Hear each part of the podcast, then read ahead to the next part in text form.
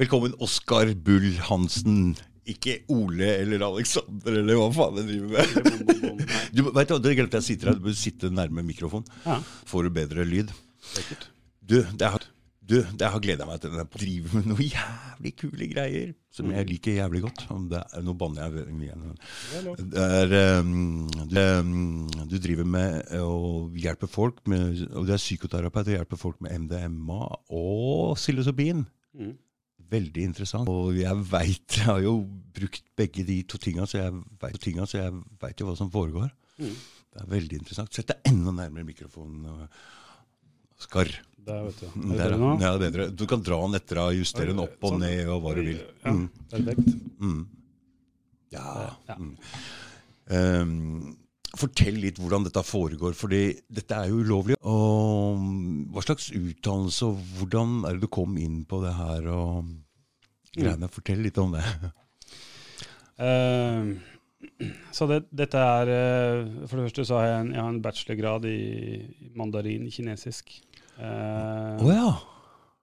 Så det, det er min utdanning, rett og slett. ja, ja, Eh, ok. Offisielle Mm. utdanning. Mm. Så det er en, en del år siden. Og så um, har jeg litt, uh, hatt litt ulike jobber innenfor IT-bransjen. Siste, siste jobben Mm. uh, som jeg hadde før jeg begynte med det her, var som HR, eh, HR-leder i uh, et IT-firma. Ja, Men du, mandarin, du, mandarin, det er ganske Da snakker vi Det er vanskelige greier. Ja, det, er litt, da. det er andre begreper og andre lyder og Mm. Ja, ja. ja, Det er veldig eh, Men det er, det er som alt, da, at det, det er ikke så vanskelig når man eh, setter seg inn i det. ikke sant? Når man Nei. først lærer det, så er det Folk tror liksom at det er eh, kvantefysikk, men, men det er det ikke. Man lærer det. Man har jo en sånn man har jo en sosial hjerne som har lyst til å kommunisere med folk, og da mm. Spesielt hvis man er i et land hvor folk snakker det språket. Så Har du vært i Kina? Jeg bodde i Kina i fire og et halvt år. Oi, oi. Mm. Er eh, språk er det veldig Det er utviklende for hjernen å lære seg et nytt språk, ikke sant? Er det? Mm. Ja, det tror jeg på. Fordi, Alt som er nytt, er jo utviklende for hjernen. ikke sant? Du Mm. er utenfor komfortsonen, så Mm. det gjør litt vondt. mm, Eh, Mm. da, da får du da får du utvida. Du har et litt annet perspektiv på Norge etterpå. Du etter å ha bodd i Kina så, i den, lært deg kinesisk og sånn. Ser Ja. du litt annerledes på Norge også da? Eh, Definitivt. Mm. Det blir jo sånn, Jeg bodde et år i USA også, så jeg Ja. fikk liksom litt kontraster mellom Østen og Vesten og, Mm. og Norge, da, midt imellom, liksom. Så um, um, Og det er jo, man har jo ideer om steder man skal dra, og hvordan folk er, og fordommer og alt det der. Og, så, og så kommer man dit, og så ser man på en måte at det er mangefasettert. Da, at det er masse ulike aspekter. og Mm. Uh, det er ting med kinesisk kultur som jeg elsker, som jeg kunne ønske vi hadde her i Norge, og Mm. amerikansk kultur som jeg kunne ønske vi hadde her, og så er det ting med norsk kultur som jeg kunne ønske vi de hadde der, da. Mm. Ja, Mm. Men det, det er jo min preferanse, da. Ja. men, eh, så, så du har egentlig ikke noe utdannelse som psykolog heller, men det er kanskje bare en fordel? Det, ja, kanskje. Mm. Det er, det er litt sånn eh, Denne typen terapi er ganske annerledes enn vanlig Det vil jeg tro. Det vil jeg tro. eh, Mm.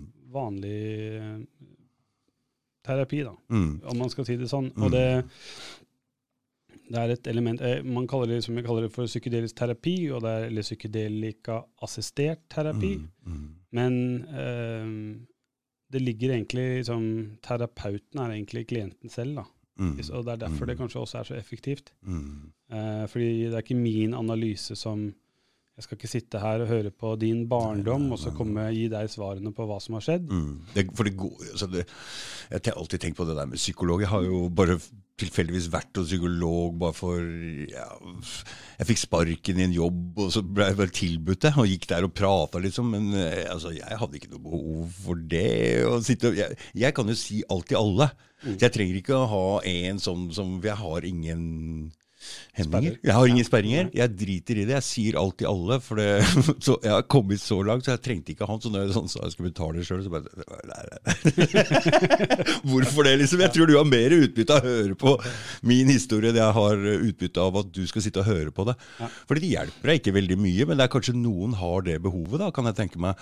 At de føler at det de sliter med, er såpass uh, privat da, at de ikke vil snakke om det til andre folk. Mm. Det må dere slutte med, alle sammen. Hvis dere hører på meg, dere må bare blåse dere sjøl rett ut. Det er bare å gjøre. Det er ingenting å skamme seg for, for det alle har de samme greiene. Det er ingen Sånn er det bare. Mm. Det er i hvert fall første steg for å komme, forstå noen ting. Det er å tørre å si det problemene sine. Alt fra seksuelle problemer til hva det skulle være. For det er, det er en leiteprosess òg. Mm. Det er ikke så lett å finne ut av hvorfor man reagerer som man gjør, og det er ikke lett. Og det er jo en del Hvis man har hatt, liksom, vokst opp i et miljø, altså kanskje pga. din åpenhet, eh, at uh, kanskje du har vokst opp uh, i et miljø som er foreldre eller et eller annet sånt, hvor det åpenhet har vært OK, da, ikke sant? Jeg har aldri levd hjemme, vet du. Nei. Og det er det, det er noen som eh, det er sant. Ja. Hvor de begynner fra veldig ung alder, hvor det å åpne seg, det å være sårbar, er uh, at det blir straffa ned på enten verbalt eller fysisk eller på en eller annen måte. ikke sant? Og da stenger man inn veldig, veldig tidlig. Mm. Uh, spesielt hvis det skjer liksom i de første si, syv årene av utviklingen. Eller sånt. Mm. Da er det vanskelig å åpne seg. Ja, Det var ikke akkurat det som det, det, husker jeg ikke så mye av. Jeg tror ikke jeg har vært sånn som jeg, altså De første åra der, jeg veit ikke, men det var mer det med at jeg ikke løy hjemme. Det var vel mer det med mm, at jeg fikk lov å holde på som jeg gjorde med røyke hasj, selge hasj, og at det ikke var noe løgn der. da. Mm. Men akkurat det der med å åpne seg, hvor sårbar om man hadde noe behov jeg husker ikke de tidlige åra med mamma der. Det er mulig det ligger noe grums der. Jeg skal på en mm. ayahuasca-greie og se på det her, for det er noe, det er noe der. Spenn deg fast. Ja, spenn deg fast, ja. ja det, det, det, tror jeg på. Jeg har aldri gjort det før. Så. Men jeg har som sagt spist fleinsopp før. Mm. Og min erfaring med fleinsopp da, den er sånn som det her. Når jeg spiste 20-30 stykker, jeg fant det veldig ubehagelig. Jeg ville bare at det skulle gå over. Mm. Og jeg hadde aldri trodd, aldri trodd at Og det var ingenting der å hente. Ingenting, Det var bare litt tegnefilm. Jeg så meg sjøl i speilet, og jeg bare Å, fy faen, hva er dette her? Jeg ville at det skulle gå over, bare. Jeg syntes det var ubehagelig. Så jeg hadde aldri i mitt liv trodd at løsningen var å spise tre ganger så mye. Mm. Fordi hver gang jeg har spist mellom 80 og 100, da har det skjedd saker. Ja da har det skjedd saker, men det har jo selvfølgelig, du varierer jo alt med å skjønne alt mellom himmel og jord og ikke skjønne en dritt. Og når du kommer inn etter to-tre timer, så tror du du har vært ute i skauen i uke. For følelsesmessig så har du vært gjennom en uh, Jeg vet ikke. tur, da. Ja, skikkelig. og så ser du på klokka, så har det bare å, er det bare gått to timer, liksom. Mm. Men nå, når det har gått en to-tre timer, det er da, da Da kommer det Jeg nesten ser er et slags hellig vindu. altså. Mm. Uh, hvor det er, for, forståelsen begynner å dette på plass, og ego er helt borte.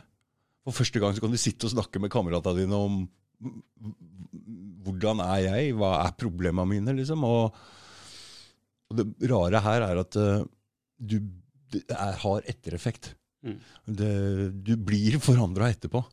Og helt automatisk så har jeg dratt de um, fleinsoppopplevelsene der i den veien, fordi jeg bare er sånn sikkert. Jeg hadde ikke noen plan om det, eller vi bare tok det for ja, Vi skulle bare ta det, på en måte. Mm. Jeg hadde ikke noe noen eldre som lærte Det var, ingen som, var ikke noe sånn greie. Det bare blei sånn. Ikke noe veiledning? Nei, ikke noe veiledning. Det bare blei sånn. For jeg tror at jeg liker det der. Jeg liker å mm, gå den veien innover og prøve å forstå, og nei, ikke noe redd for det heller. Det kan være en del, altså Hvis man ikke har disse, denne veiledningen det, kan, det, er også noen som liker det. ikke sant? Denne opplevelsen av å finne ut av ting sjøl og være mm. Å ta det den måten, da. Mm. Du, hva slags doseringer og sånn er det dere kjører med? Hvordan er det dere For folk sier f.eks. fleinsopp du veit ikke, men når du kan telle mellom 80 og 100, og du veit at det er dosa di, så er det ganske, nøyakt, ganske nøyaktig. Altså, da prater jeg om jeg prater ikke om, jeg så noen svære fleinsopp i Nord-Norge. vet du. Mm. Jeg kjente dem ikke igjen. jeg. De var jo, faen meg, de var jo 15 cm store. vet du. Det var jo helt, Jeg hadde ikke funnet de små som jeg er vant til. Da hadde jeg ikke skjønt at det var fleinsopp engang. Mm. Men eh, jeg prater jo om sånne små da, ikke sant, som vokser på over på Alfaset og på Ekebergsletta, men jeg tror ikke det er noe der med nå.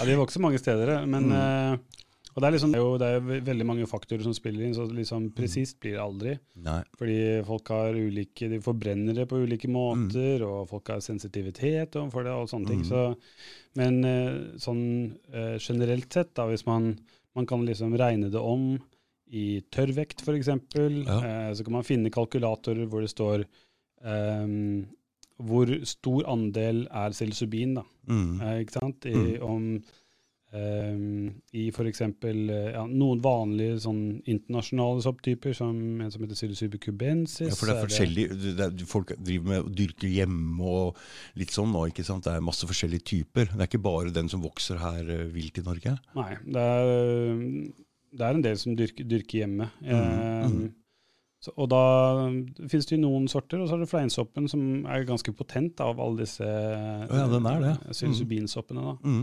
Um, det er en av de aller, aller mest potente, faktisk. Ja ja. Oh, ja. Mm. Ehm, så ehm, de liksom i, i den settingen eh, som jeg gjør det, da, og da er det jo en, det en prosess rundt det. ikke sant? Folk kommer inn, uh, vi forbereder oss på opplevelsen.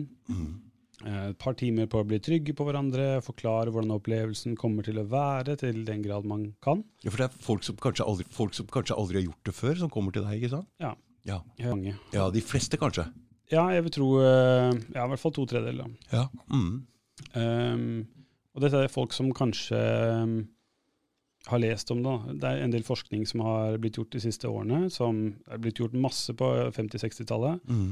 Eh, og så har de kommet, og så ble det eh, man kan si satte lokk på det ved ja, slutten av 60-tallet. Det var liksom hippiebevegelsen, og eh, amerikanske myndigheter følte at eh, ting sklei ut. Mm.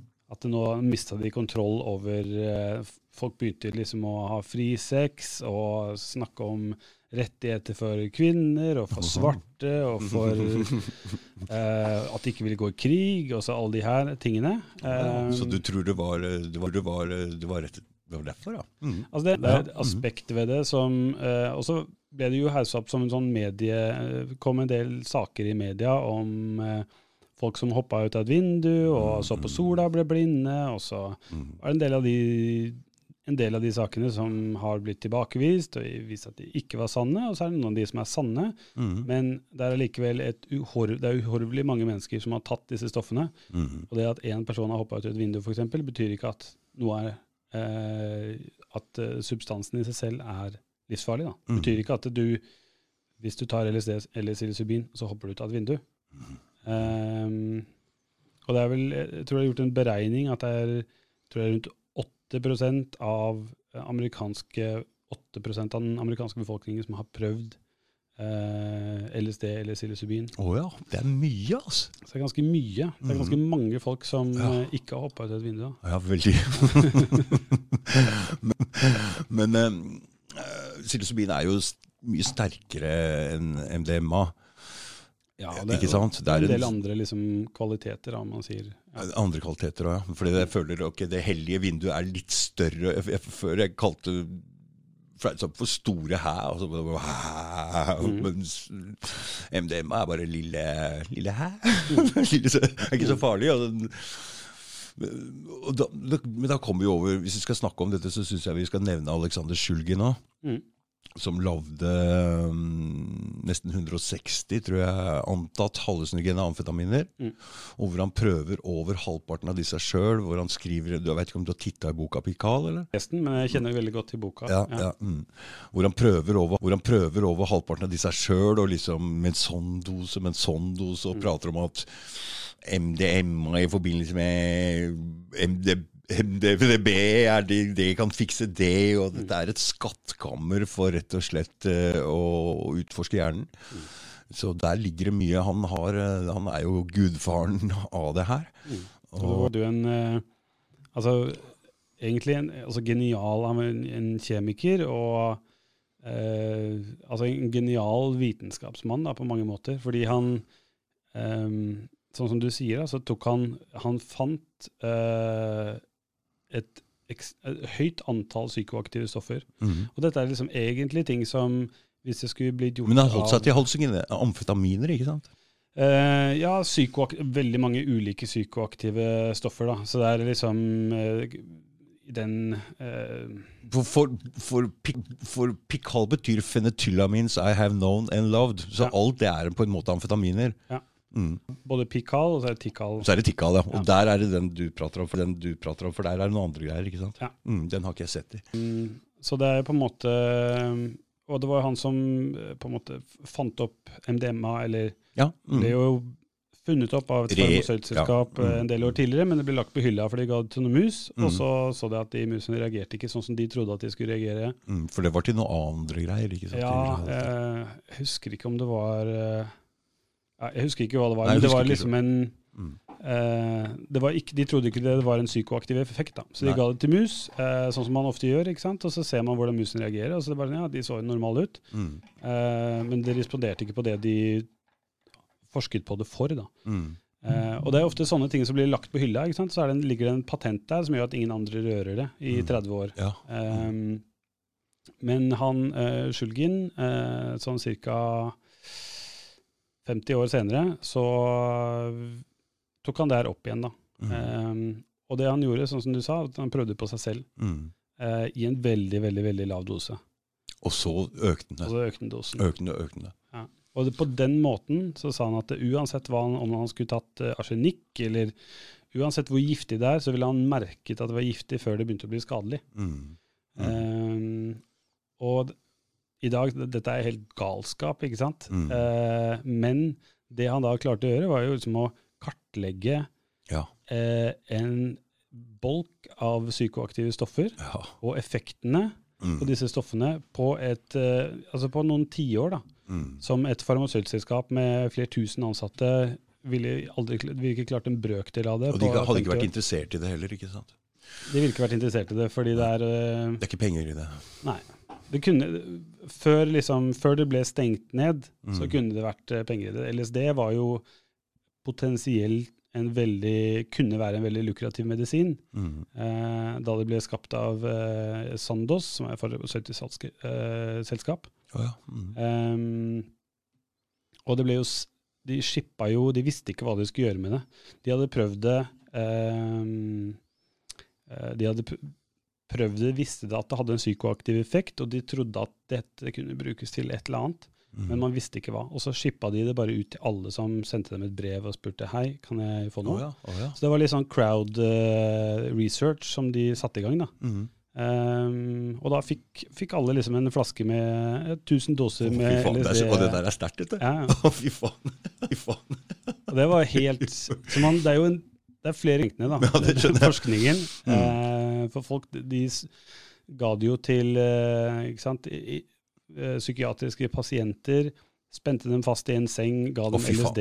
Oh eh, gikk ut av rommet for å se hvordan de reagerte. da. Oh, det er altså jeg skal, For å si en ting med det fleinsoppgreiene når, når man spiser så mange som det jeg gjorde, da, for jeg, jeg mener at det er da man først får noe ordentlig ut av det, så er det ganske godt å kanskje kunne være ute og kunne bevege seg litt, for det er ganske heftig. Øh, Jeg har aldri sittet Vi har på en måte vært ute, da. Og kunne bolte seg litt og vært litt sånn, for man bør jo egentlig ikke treffe folk. Man er jo veldig rar. Og, og jeg tenker meg, hvis du blir Altså bare sitte sånn for seg sjøl og bli låst fast, det, må det være, kan være, det være direkte farlig og skadelig, vel? Ja, jeg tror det er noe, noe han kan oppleve. Altså, Ja, mm. Man sier at sett, sett en setting, da, altså sånn, eh, hvilken sinnstilstand man er, og hvilken, hvilken miljø man er i, er, har en ekstremt stor påvirkning på hvordan stoffet fungerer. Mm. Eh, og dette gjelder både for MDMA og for uh, psilocybin og, og LSD. Da. Mm. Og eh, du kan tenke deg at hvis du setter deg da i en setting hvor du altså blir spent fast og folk går ut av rommet og ser Ja. på deg gjennom et sånt uh, Oh enveisspeil, faen. Eh, så kan du tenke deg at bare den settingen i seg selv Er kjip, er kjip, Mm. og så forsterker da disse, Mm. disse stoffene det. Men Ja. hvis man gjør det inn altså den settingen som For den kan forsterke både negativt og det negativt og positivt. Ikke Ja. sant? Ja. Mm. Og om negative, de negative følelsene kommer, og Mm. man er i en trygg setting, så det, føles det allikevel trygt. ikke sant? Mm, mm. Uh, og den forskningen som er gjort uh, nå i de senere år, da, som begynte liksom fra 2000-tallet, MDMA og, og psilocybin, som de har forsket mest på nå, eh, og som de har kommet så langt at det ser ut som det blir godkjente medisiner innen Estimatet for MDMA i USA er 2023. Oh, ja.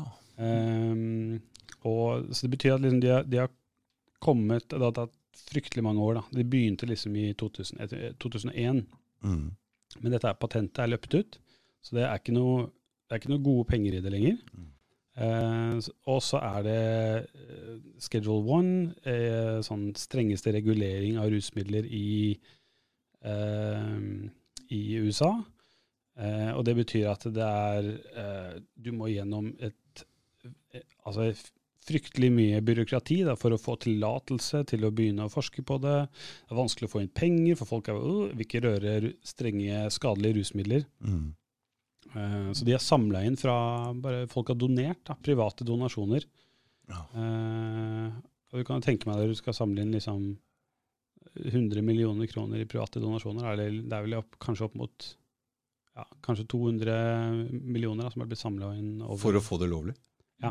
Og det er jo fryktelig veldig veldig billig. Så de har gjort det ekstremt smart for å gjøre det så billig i det hele tatt. Oi. For det koster jo egentlig vanligvis mye mer eh, hvis man skal ha det gjort. Så de har fått til enormt mye. Nå har de kommet da til siste Hvordan er det de fasen. gjør det da? Er det, det er for å få, det er for å få gå gjennom alle de Samme som for et legemiddel, liksom? At de må gjennom alle disse testene, vise at det ikke er farlig, sånne ting? Er det alle disse forsøkene og alt dette? Ja, så de begynner, Man må først begynne å og vise at det ikke Riktig, er riktig. skadelig. Mm, Og så må mm, man kjøre en eh, fase hvor man tester det på få mennesker for å se at det ikke er skadelig, og så på en større gruppe mennesker for å vise at det faktisk kan ha en positiv effekt. Mm. Og så må man da, den tredje fasen, som er den siste før det kan bli godkjent legemiddel, så må man teste på en eh, så stor gruppe at man Vi skal bare lukke opp døra.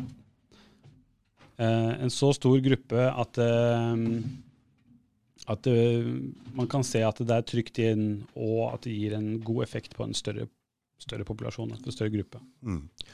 Det er sånn man, eh, det er sånn man eh, liksom gjør med alle legemidler. Det er Ja. derfor det er dyrt å, å få Men da bringer jeg liksom temaet litt over på en annen ting, fordi ketamin slipper det her.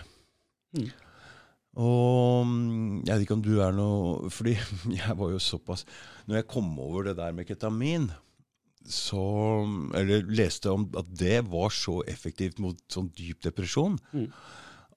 Um, tenkte jeg, det her er interessant. Ringte ned til Emma Sofie-klinikken ikke sant? og hør, forhørte meg litt om doseringer. og Jeg begynte å lese innpå ordentlig på forskningsrapporter. og Hva var doseringen, og hvor ofte du skulle ta det. og liksom, Hva var det som skjedde, og sånne ting. Så jeg var jo såpass interessert at jeg eh, gikk og kjøpte ketamin.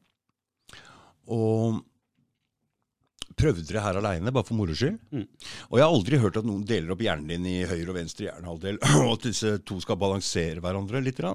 Men det som skjedde for meg, det var at den klokka på veggen den var én meter fra hverandre. Altså Den delte seg i to. Og jeg klarte ikke å få den sammen. Det var det liksom det jeg husker rett, så Da tenker jeg ok, nå skjønner jeg hva det gjør, for det er jo et kjempesterkt bedøvelsesmiddel. Mm. Og det det gjør, det er at de eh, bedøver ned den, eh, den som, det som er imellom de to hjernehalvdelene. Er det jeg tror. Bedøver ned alle de nervetrådene, og da begynner hjernen din å prøve å nye, lage nye nervetråder imellom.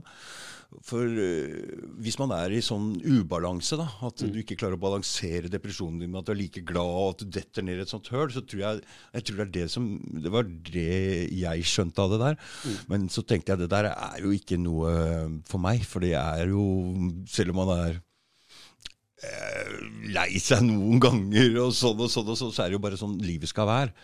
Ikke sant? Så jeg Det var bare Så, så jeg er genuint interessert i alle sånne ting.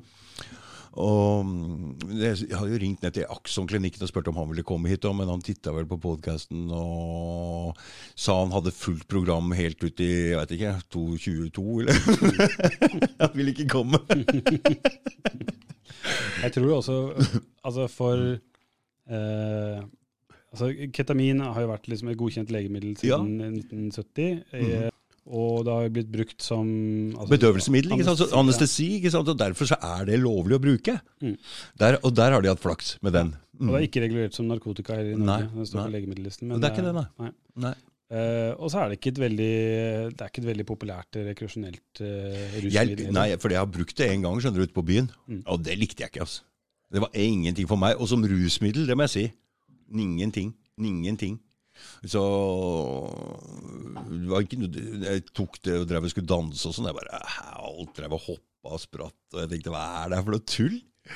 Så jeg har aldri skjønt hva det der er for noe. og- Så jeg vil ikke bruke det som rusmiddel. Det, er, det var bare for å teste hva dette var, og om det kunne hjelpe da, til et eller annet ja, greie. Mm. Av nysgjerrighet, faktisk. Så, men uh, ikke til meg. Men, men hvorfor jeg dro det inn, er fordi at uh, det er jo et legemiddel som er godkjent. Mm. Så de har på en måte hatt flaks med det. Hvis, derfor de kan bruke det nå. Er det jo eh, Uten at det har kosta dem noen ting. kortere vei til mål. Ja, mye Eh, kortere Selv om det er litt, det litt sånn tabubelagt fremdeles fordi det er så ferskt, på en måte. Altså Det er blitt brukt som til anestesi i veldig mange år, og eh, det er liksom et av de mest vanlige medisinene som er brukt da, på verdensbasis. Mm.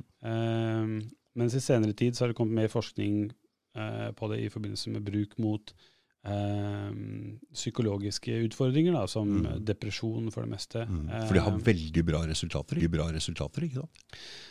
det er litt sånn Det er jo et eh, De har nettopp fått godkjenning for en nesespray Ja, eh, som mm. heter Sprovato, som er eh, hvor de da har klart, for Det er ikke noe patent heller på dette eh, ketamin. ikke sant? Det er løpt ut. Mm. Eh, men de har da klart å lage Jeg husker ikke om de kaller det for en analog, men det er liksom en eh, De har modifisert ketaminmolekylet litt, grann, uten oh, ja. at det har noen annen effekt. Mm. Så er, og så har de tatt patent på det, og så har de laget en nesespray som Johnson Johnson har da pressa gjennom som en eh, for behandling. Eh, Ja, så de skal tjene litt penger på det? ja, Mm. ja. da, selv, da har de jo eh, altså, Ja. Hvis du kjøper vanlig eh, ketamin, da, Mm. eh, så koster det kanskje liksom eh, 100 kroner, og så koster det 7000 kroner hvis du skal ha den nesesprayen. Du, det var noe apropos det igjen, for dette, nå mm, var jo hun Vi Det var en Nå snakker vi medisinsk, det er bare sånn fra Ja, ja, ja. ja. ja. Men eh, nå var en eh, advokaten Barbro Parsen her, og hun uh, prata om zeolitt. Og det er noe sånn rensegreier og greier. Og så begynte jeg å titte på priser og sånn, for det var også en sånn spray. Mm. Dritdyr, ikke sant, den sprayen. Mm. Og så gikk jeg inn og tittet på eBay, og så fikk du kjøpt 900 gram for 200 kroner, eller? Mm. Lever du? Jeg skal tj- tjene penger på dette. Mm. Så Så du har jo, altså eh, Innenfor cannabis eksempel, altså har man sånn CBD-olje, som er liksom mm. Dyrt som faen. Veldig, veldig dyrt, men egentlig billig å produsere, ikke sant? Ja, tar ut alle godstoffene og selger Ja. bare den som ikke virker. Man, når du skal ha det gjennom Du skal ha det liksom farmasøytiske standarder, du skal ha det gjennom et apotek og sånne ting, og så blir det da en, en haug med Dritdyrt. 1000 kroner flaska. da. Ja, Det er ikke verdt det, det kan jeg aldri tenke meg. Men det er jo noen som sverger til det der, da. Sant? Og det, Uh, ja, noen som har veldig god effekt av det. Ja da, det er sikkert det, men jeg syns det, jeg, det, det ja, Så vondt har ikke jeg noe sted at jeg gidder å betale de dyre dommene, for det er virkelig dyrt. Mm. Og, Ja, det er det. Mm. Uh, så, så ketamin er liksom eh, Og så er det det, det, er, det, det studiet hvor de gjorde hvor de godkjente den nesesprayen, det, var liksom, det gikk akkurat forbi. Akkurat bra nok for å bli godkjent medisin. Så det, Ja. egentlig, det var ikke noen sånn kjempegode resultater der. Nesesprayene? Ja. Eh, men det ble godkjent fordi mm, er så, man har så få alternativer. Da. Eh, og man Mm. kan bruke det, eh, for behandling med det, selv om man går på antidepressiva f.eks. For ketamin eh, Det går ikke an å spise, ikke sant? Eh, la meg tenke. Uh, Jeg har aldri hørt om noen som spiser det der, for Nei. de fleste tar det i nesa, ikke sant? For det er sånn som Kokain går heller ikke an å spise, og det gjør vel ikke med heroin heller. Nei. Ikke sant? De Eh. stoffene går ikke an å spise, du må liksom enten inn i blodbanen på en eller annen måte, fordi det blir brutt ned før det kommer inn i blodbanen. Det er derfor de bruker nesespray, eller eh, du må få også noen sånne tabletter som man kan legge under tunga. Ja, riktig. Sånn tas opp. Å ja, så hvis du legger en tablett under tunga, så blir det sugd opp i blodbanen uten å, uten å gå gjennom fordøyelsessystemet? Ja. Oh ja. Mm. Det var interessant. Ja. Mm. Hvorfor gjør du det egentlig? Er det fordi det er så tynn hud under tunga, eller? Ja. Ja. Uh, så da går det rett inn i blodet. Man kan jo gjøre det samme f.eks. Uh, med LSD, og også altså, MDMA for eksempel. men MDMA har jo denne Off. den smaken. Da, som man ikke, smaken, ja. Ja, der er smaken. Um, Den vil helst ikke ha i munnen. Ja. For det, det er noe av det øh, Skjulgen beskriver. Den hadde sånn veldig god, skikkelig råtten smak. ja. det er en sånn merkelig bitterhet. eh, ja. Nei, den er ikke god.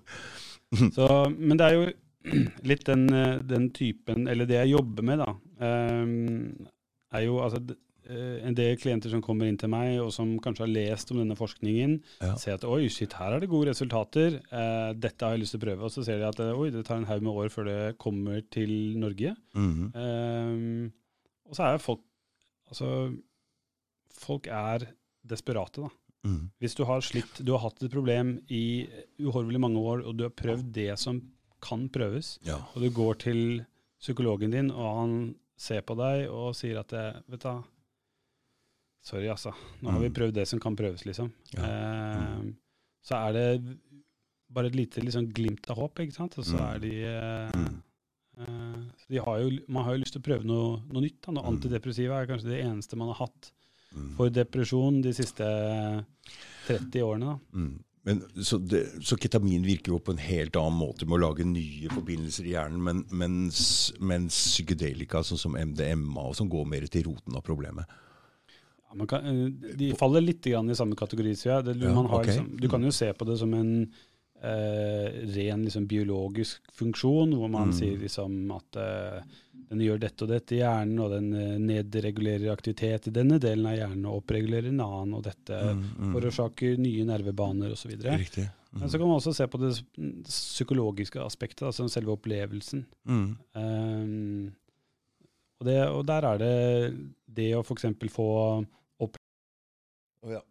Da hadde vi et liten teknisk tulleproblem her. eh, Så vi får bare starte med Vi hørte at vi prata om eh, forskjellen på ketamin og, og, MDMA, fordi du Altså, det, ikke sant? Det, man, det er to måter å man, man kan jo se et, en, noe fra en effekt da, fra ulike, ulike vinkler. Eh, så hvis man er en, en nevroforsker, så vil man si at uh, det fungerer sånn og sånn på hjernen, og det nedregulerer aktivitet i denne delen av hjernen, oppregulerer derfor, og så skaper dette nevroplastisitet og mm, sånne ting. Ja, for det var det jeg leste meg til på ketamin, ikke sant? Ja, Uh, og det kan man si om uh, alt mulig rart. Det kan man si om terapi også. ikke sant? At når du sitter i terapi, så det, blir det oppregulert her også. Sikker, ja. Mm, Skal du Vil du ha snus? Uh, nei takk. Og så har du den andre delen av det, som man kan se fra psykologisk, at det er opplevelsen som gir de store endringene. ikke sant? At det Mm. at folk eh, kan oppleve noe annet enn det de vanligvis opplever. Mm. Så hvis folk, alle, Vi er jo alle låst inn i litt sånne mønstre, ikke sant? Ja, ja, ja. eh, Mm. Ting som det går i loop. Mm. Eh, og det er de samme tingene og de samme tankene om seg selv, om verden rundt osv. Mm. og bare det å få en liten eh, perspektivendring, da, Mm. eh, som det som kan ketamin gjøre, og psilocybin, MDMA, Mm. hvor man får en opplevelse av hvordan ting kan være litt annerledes. Mm.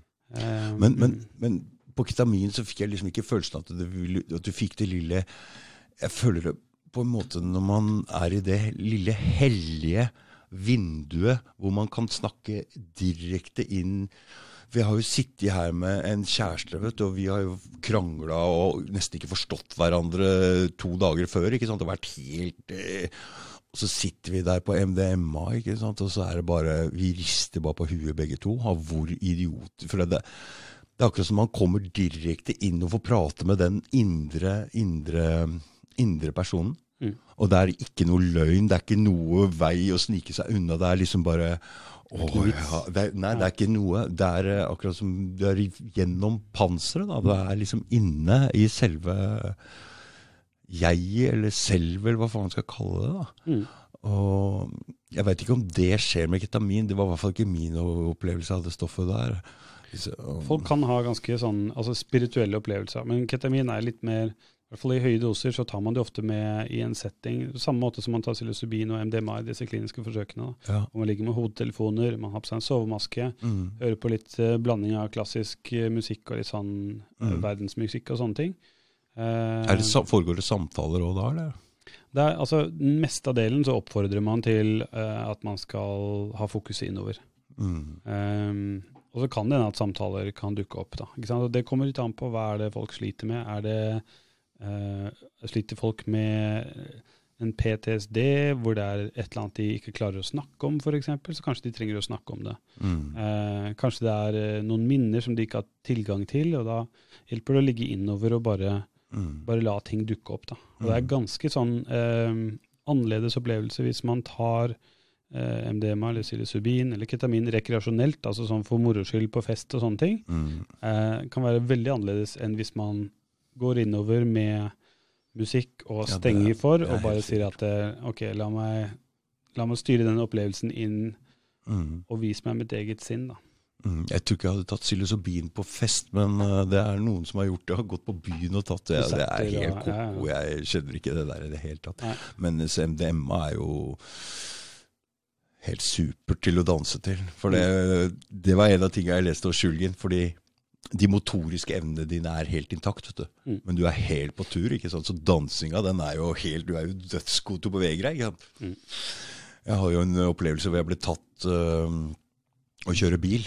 Og skulle inn Jeg tror jeg hadde MDMA, MDA og alt mulig i blodet. Så skulle jeg balansere på en sånn greie, og jeg bare Hva er det prater om her, da? Jeg bare hoppa baklengs, hinka på ene beinet på den derre Men jeg var jo helt tura, ikke sant? Men akkurat å styre kroppen, det er fungerer jo helt 100% Så husker de sa at skal telle baklengs fra 107 til 90. Jeg bare herregud, hva er det du tror for noe, liksom? Jeg tror det er, jeg tror rusa, liksom.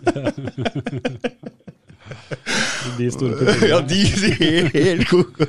Men uh, det der var det er jo plutselig sharp Uh, Det er veldig litt artig at de kalte det for knips også, for jeg følte liksom at uh, du kunne bare gjøre sånn, så var du egentlig kunne skjerpe deg og gjøre det du skulle, selv om du var Jeg har aldri tenkt på at det kan være Ja, for det er inn og ut av transe, vet du. Ja. Og pips! Det er sånn som tryllekunstneren går i hypnose. Det er helt uh, Og det er en og det er en ganske sånn merkbar effekt, hvor man folk kan uh, Jeg sier liksom at hvis, hvis folk er under påvirkning av MDMA for eksempel, og så går Mm. brannalarmen, så, Mm. så stopper opplevelsen. Ja, man, fordi man klarer å komme ut av det sånn. Papp. ja. Mm. Så man har mye mer kontroll da, enn psilocybin. kan, Mye, mye, å, nei, den, er, den er litt mer Der er den, er litt, eh, den er litt større og litt sterkere. Og, Mm. Men den, gjør, den kan også gjøre større forandring. Det er min eh, oppfatning av det. Mm. Det vinduet, eller det, det hellige, hellige lille timesvinduet der, hvor lenge det kan vare, da. Mm. det er litt, s- litt mer dong. Å, nå er vi her, liksom. Oi, oi, oi. Her er det Her er det ikke rom for noe annet enn sannhet og uten ego. Mm. Det er veldig spesielle greier. Det er veldig øh, Så at man kan få resultater med det her som du har ikke sjans til å få som psykolog, det er helt 100% sikkert.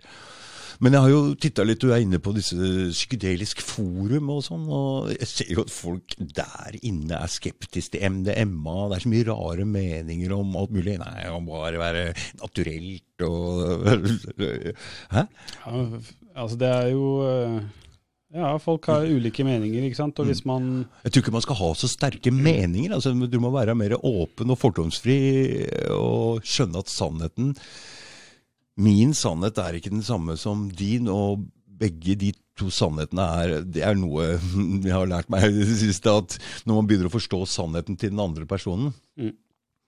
så skjønner man at det er jo Den opplevelsen der er jo like sann som den opplevelsen jeg har sittet med om samme opplevelse. ikke sant? Så det må vi, der må vi være mye flinkere til å forstå at vi skal ikke mene det samme, og ikke hogge i huet av andre som mener noe annet, eller at vi skal mene det samme som andre folk, eller Sannheten som du sitter med, det er din Er sannhet, egen. og ja, den er din egen. Du kan forandre den, for jeg er jo av den oppfatning at man kan forandre på hva man vil like, bare sånn, ja. Mm. Og da gjelder det, hvis man begynner å forstå det der, At man kan velge hva man vil like. Velge hva man Så kan man ta bort en del dårlige ting. Mm. Jeg liker ikke alkohol lenger. ikke sant? Det jeg liker ikke. Det var en, en eh, sånn restaurantkritiker i eh, jeg tror det var New York som eh, hadde et problem, for hun klarte ikke å eh, Hun klarte ikke å gjøre gode anmeldelser av asiatiske restauranter. For hun, alle de tingene som asiaterne sa at de likte å spiste, spise, de kunne ikke hun fordra. Det er sånn fermentert kål og, Mm. og sånne fermenterte bønner og litt sånne rare ting. da. Mm. Og så hadde hun lest at hvis du eh, eh, At grunnen til at asiater liker det her, og hun ikke likte det, Mm. var nettopp fordi at når man spiser det en del ganger, så begynner kroppen å forstå næringsverdien i det. da. Mm. Og da blir, endrer smaken seg, og da kan man begynne å like det. Du, det her er noe rart, for det Du har jo hørt folk prate om styggen på ryggen og avhengigheter og sånne ting. Og når du snakker om det der, at man kan venne seg til en ting, så når man prater om f.eks. bare det med sukker, da, og tenker på at du har nesten fire kilo med bakterier i kroppen, og de bakteriene de er spesialister på å bryte ned forskjellige stoffer, ikke sant? Og de vil jo også leve. Mm. Og jeg begynner å, Det er ikke noe styggen på ryggen, men du har en haug med liv inni deg som faktisk begynner å kreve Sure. ja, ja, Som vil ha det stoffet som de er spesialister på. Jeg begynner å lure på det, for den bakteriefloraen vil jo forandre seg til hva du spiser. Ja. Så da begynner jeg å lure på om eh, det er en del av det, For bakterier også er en del eh, ting vi ikke har forstått helt ennå. Mm. Nå driver de med den der fekaltransplasjonen, som rett og slett at de tar avføring fra en eller annen donor som er bra, sunn bæsjpiller. Ja, det er rett og slett bæsjpiller. som kan forandre på både humør altså, og alt mulig. Så Mm. det der med bakterier er veldig interessant. Og når du vet det lever jeg, jeg tror det på meg som er 95 eller sånn, så Mm. tror jeg det var oppimot fire kilo av bakterier i kroppen. Det er mye, altså. Mm. Hva tenker du om den teorien? Eh, Helt, det er sånn jeg forstår det også. Mm, Eh, ja, mm. Jeg hadde, vi hadde sånn, Jeg sånn har aldri hørt noen snakke om det der før. At det er liksom Jeg tror det er eh, Det er vel en bok som heter 'Sjarmen med tarmen', som jeg ikke har lest, men som handler om litt av det her. Da. Og, ja.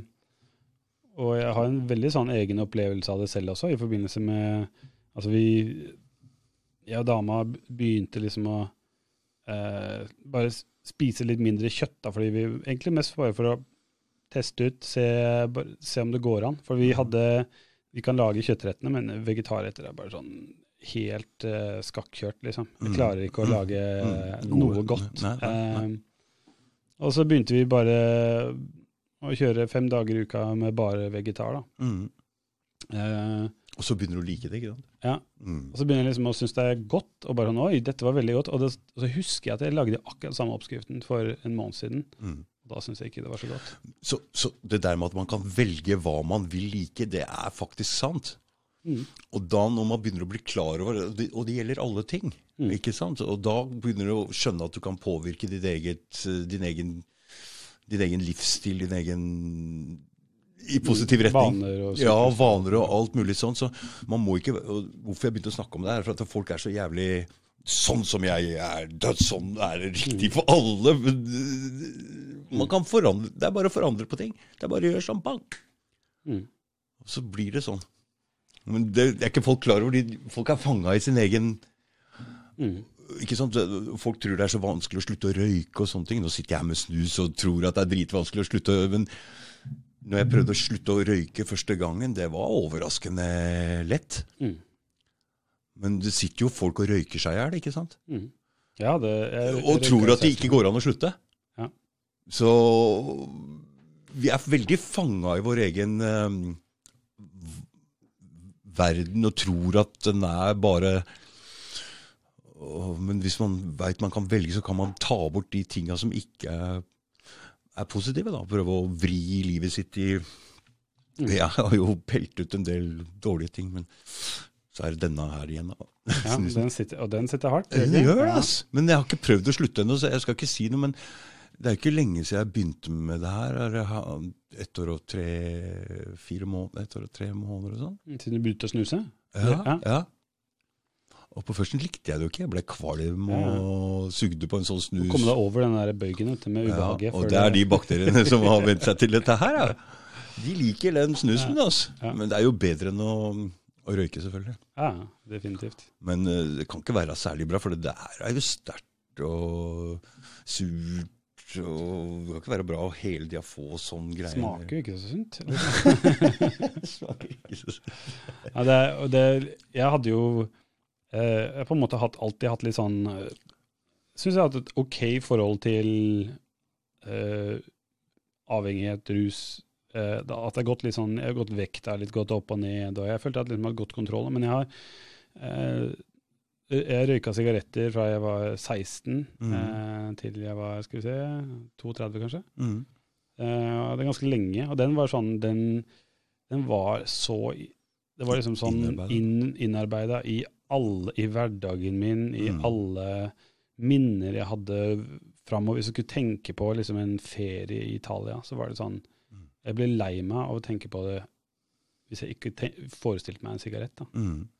Eh, og det var en Og jeg, jeg prøvde å slutte flere ganger, og så var det et eller annet sånn Hjernen min fant en Du vet han djevelen på skulderen, liksom. Han fant en eller annen unnskyldning til å begynne igjen. da. Mm. Mm. Eh, Mm. Mm. ja, nå har jeg drukket uh, seks øl, Oskar. Nå Mm, ja. går det an å bare ta én røyk på en fest. Ja, ja, for det alkoholen, den, da slipper du Da blir vilja di litt svakere. Ja. Nei, det, det er interessant det der, fordi, men eh, den lille jævelen på skulderen som sitter der når det er røyk, den er jo ingenting mot andre rusmidler. Mm. Fordi de forsvares med alle Når du begynner å pirre For det, jeg veit ikke om du Har du hatt innom folk som er avhengig av eh, rus òg, eller? Uh, Som sliter med det problemet? Uh, eg- egentlig bare altså mest alkohol, men noen som har litt overlapp med alkohol og litt andre kokain og sånne ting. Da. Men mm. det, det var egentlig hoved, eh, hovedutfordringen har vel kanskje vært alkohol. Mm, mm. Og de forsvarer, den forsvarer sin eksistens som Men, men det jeg syns er verst av alt, det er faktisk benzo-greier. Mm. Den jævelen, den sitter, ass. Og den lyver, og den forsvarer sin eksistens, og det er faen ikke mulig å få tatt den, ass. Mm. Den, Ja, den er, det er veldig avhengighetsskapende. Og det, og det er selvfølgelig Det skrives jo ikke utover en lav sko, det er ikke så lett å få det nødvendigvis. Men man kommer litt an på hvilken lege man har, da. mm, Men øh, det er jo øh, Ja. Og det folk og Man blir avhengig av effekten, ikke sant. Og man Sånn som at man, man har en fysiologisk avhengigheten av det, og så har man det at hvis man tar et eller annet, f.eks. sovepiller da, eller angstdempende eller et eller annet sånt, mm, at man, man venner seg til at man eh, tar eh, benzodiazepin før man skal legge seg. mm, Eh, så kan man også begynner man å tilpasse livet sitt til den rutinen. mm, Så kanskje man eh, kan sitte oppe med skjerm lengre, eller man kan eh, drikke kaffe senere på kvelden, eller man kan ha hause seg opp over ting og eh, se en actionfilm, og så tar man en benzodiazepin, mm, og så sovner man. Og så, når man har gjort det en del år, så har man alle disse dårlige vanene mm, som, hindrer, som gjør det mye vanskeligere å sove. ikke sant? Mm, Eh, så hvis man kutter ut medisinen, så har man alle disse dårlige vanene som man på en måte har Disse tilpasningene da, Mm. eh, som man ikke har. mm. Så det, det er jo et sånt Det sitter, sitter godt da, med den kombinasjonen der, føler jeg. Mm. Hvor er det du mm, Har du et kontor hvor eller tar du med folk hjem, eller hvordan er det du gjør det her? da? Hjem, jeg har et rom som er uh, innredet, da, som Mm. er Mm. laget for det formålet. Mm. Det er ganske Um, tøft å stå fram og gjøre det her, for det er vel ikke direkte lovlig? er det? Altså det, det jeg gjør, er jo å fasilitere selve opplevelsen. Så jeg, jeg stiller ikke med rusmiddelet. Nei. Så jeg, jeg gir ikke substansen til folk. Nei. Eh, for det hadde vært eh, Det hadde vært eh, veldig ulovlig. Ja, Eh, mm. så det, og jeg har jo nettside, og jeg er jo åpen og prøver å gi folk liksom mm. mest mulig korrekt informasjon. Og jeg vil at folk skal, hvis de ønsker å gjøre det her, at de gjør det på en måte som er så trygg som mulig. Da. Mm. Eh, Det er veldig, veldig kult og veldig tøft og modig å stå fram og gjøre det her. Jeg liker det veldig godt. For det, du er vel ikke så mange som Er det andre folk som gjør det her òg i Norge, eller?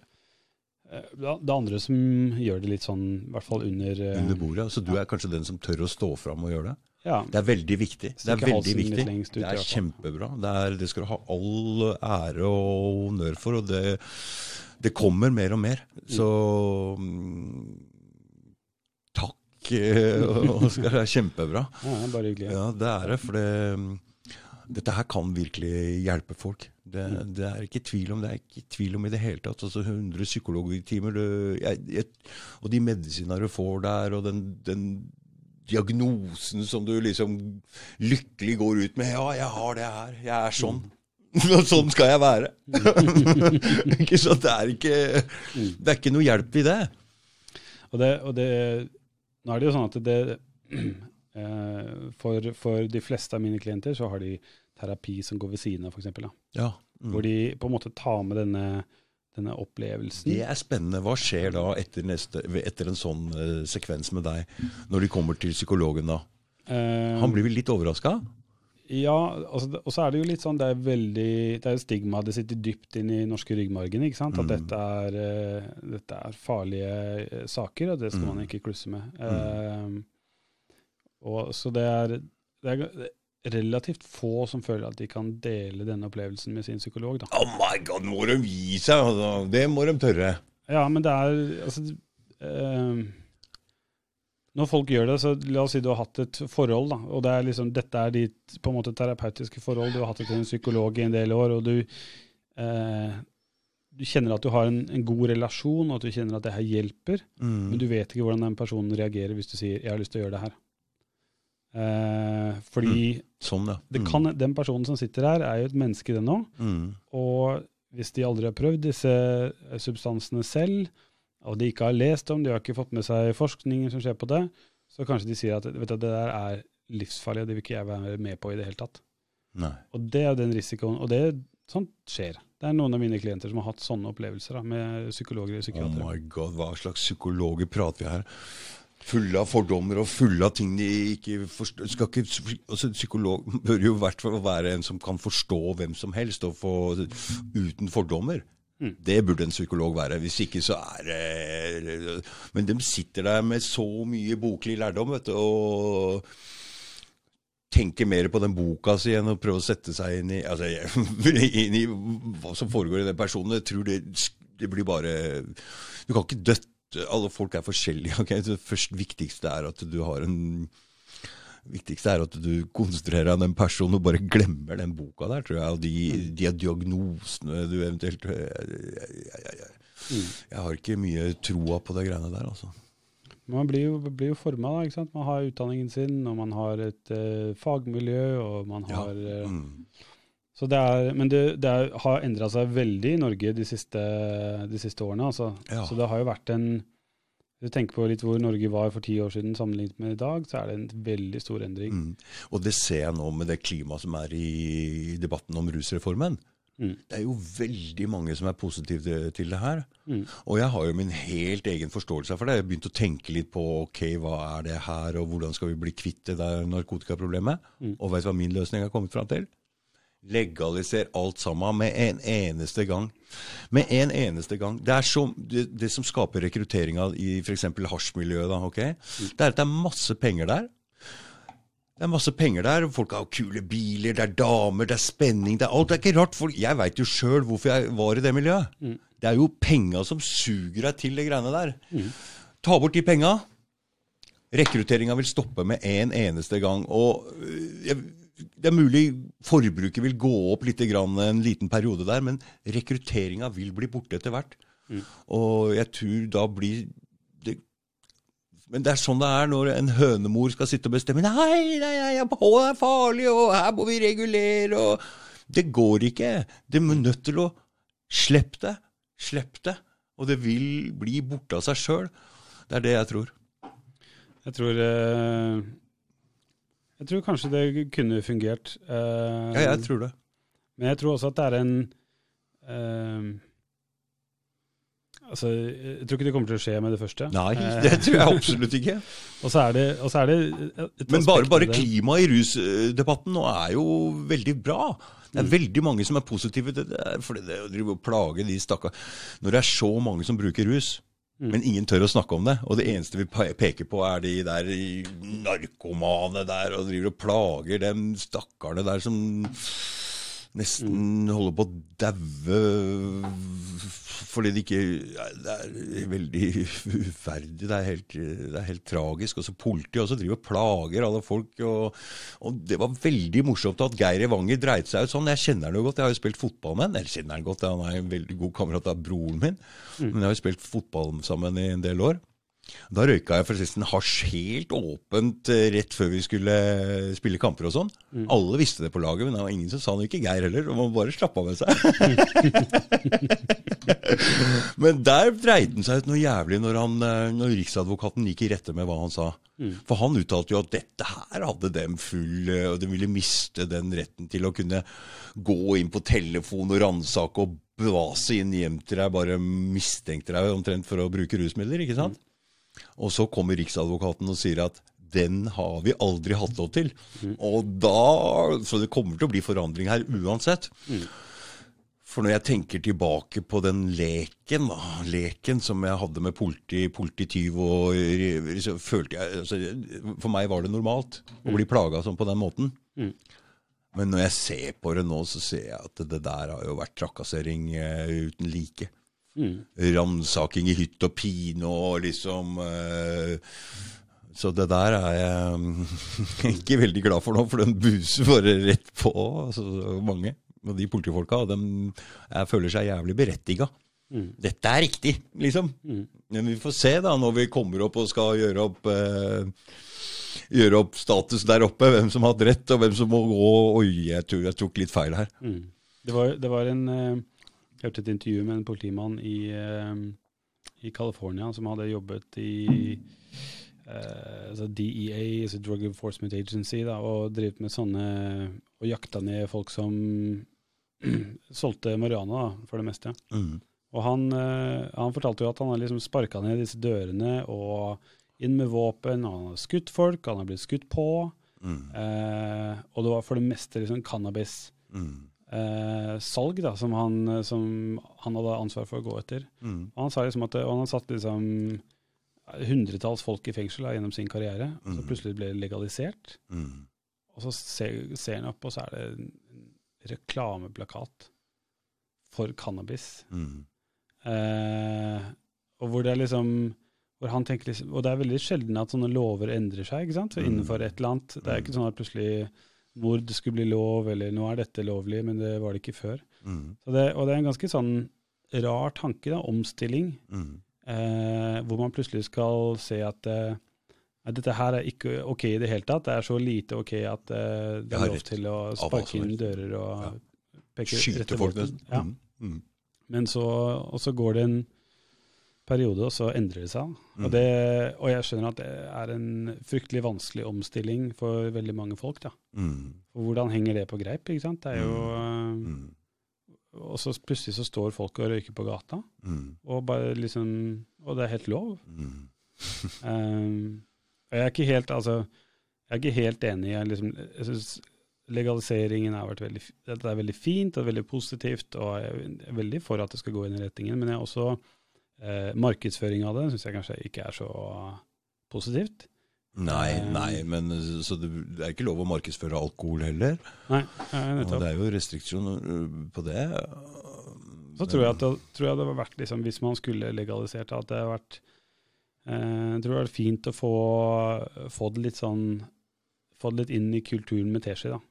Ja da, nei, det nytter ikke. Jeg ser jo det at ikke det er en Men det er løsningen på sikt, for jeg ser jo en annen ting ved det her òg. Det er Jeg er jo i oppfatning at vi er nå i en Og ofte ellers så Vi er så konforme her i Norge. Men du veit jo de folka som har dødd, da, som har blitt borte fra oss, det er jo utskudda. Det er jo de som er annerledes enn andre. Det er de som er Jeg føler at den, de, den stemmen, da, vi skulle hatt den stemmen her, da. De som tør å gå litt imot, men de blir på en måte luka bort av narkotika. Da. Mange av dem dør, mange av dem blir borte. Og det er stemmer vi hadde trengt i samfunnet for å slippe den utrolige konforme, ensidige Altså, vi trenger å ha forskjellige meninger. Vi må ha folk som tør å bryte Vi kan ikke være så jævlig redde for å si ting. Altså, det er jo disse folka som blir borte. Mm. Det er derfor jeg, jeg vil ha bort det. Og jeg tror legalisering er veien å gå. Men eh, sånn som med spriten, så har jo det vært, var jo det veldig mye eh, spritsmugling før. For det, det er jo jævlig dyrt på polet, ikke sant. Og det nå ble jo den metanolsaken gjorde at det ble veldig stor slutt på det der. Men før det så var jo sprit big, big business her i Norge. Jeg husker det som da jeg var ungdom, så var det liksom Mm, det var Folk lagde det selv, og folk fikk kjøpt det på dunker og sånne ja, ting. og det var... eh, Supergreie. Så hvis de ikke klarer å selge hasj på en Hvis du skal lage det like dyrt da, som de antageligvis ville gjøre hvis du skulle lagd et sånn hasjmonopol, altså, ikke sant? så vil jo, da vil jo det illegale miljøet fremdeles være der. Mm. Og pengene fremdeles være der. Mm. Så det vil ikke fungere ordentlig. Men Norge er veldig forsiktig, så jeg kan aldri tenke meg at de tør å løsne på det her. Men jeg, jeg tror det er veien å gå. Det er egentlig litt sånn Det er egentlig et merkelig konsept hvis man ser på Det finnes jo veldig mange kulturer i verden hvor rusmidler ikke er forbudt. Mm. Ja, ok. Mm. Eh, hvor det er Altså ikke på landsnivå, men på i, i kulturer, for, i, i stammesamfunn og f.eks. sånne ting, hvor det liksom rusmidler er Det ville vært veldig rart å lage en lov mot det. da. Mm. Um, og eh, det er litt sånn interessant konsept, fordi eh, det å gjøre noe farlig er jo ikke ulovlig. ikke sant? Så det å eh, Hvis du har en annen form for avhengighet, hvis du liksom er speedski-entusiast, da, Mm. du liker å kjøre i 160 km i timen nedover en eh, Rett nedover bakken. nedover skal ikke si det, for da snart blir det ulovlig det der òg, fordi fartsgrenser i Slalåmbakken. Ja. For det, hvis det er noe som er farlig her, så blir det jo borte med en gang. ja. Men veldig forsiktig. Ja, men det er jo, man har liksom Man ville jo ikke tatt fra noen den eh, På en måte det, da. Eller å hoppe i fallskjerm, eller å ri på hest, eller Ja, eller i hoppbakken, for den saks skyld. Ja. Og det er jo helt galskap. Eh, Eller de der som flyr ned langs De der med de med vingene på. Ja, ja, det er ekorndrakter. Oh. Ja. Det Og er jo sånn, de mister jo venner hele tiden. Liksom, du, folk dør jo av det der. Ja, ja. Men det er det sånn halvveis ulovlig, egentlig? Eller? For, det, de kaster, for det blir jo en del dyrt å pelle opp de folka der, og Jeg vet ikke. Altså, det, eh, jeg, jeg tror ikke det er ulovlig, altså, men jeg, jeg, jeg kjenner jo ikke nok til det. Men jeg vet ikke om noen ekstremsporter egentlig som er ulovlig. Nei. Altså, så det, og det er jo en, egentlig en samme greie. Man kan jo være liksom en adrenalinjunkie. da, om at Mm, man, mm, man søker en sånn type opplevelse som er litt farlig. Eller det å kjøre motorsykkel, da, eller mm, eh, mm, eh, Folk tar jo risiko hele tiden. mm. Ehm, og det er en eh, Men det gir dem også noe glede, ikke sant? Og det er, det er en grunn til at man gjør det. Men så Mm. ser man på Ofte så har man sånn tradisjonelt syn på at eh, rusmidler er, har en sånn iboende avhengighetsskapende effekt. Mm. Hvis du gir eh, kokain til en rotte, så vil den Ja, Ta kokain det der, fram det der var et dør. interessant forsøk, ikke sant? For det, nå prater du om et forsøk hvor de gjorde det med rotter som bare satt i et bur, Ja, Det var den tradisjonelle måten å gjøre det på. da. og da ble de avhengige. Mm. Men hvis du lot dem gå fri, og hadde et mye mer rikt liv, så var de ikke interessert i narkotika i det hele tatt.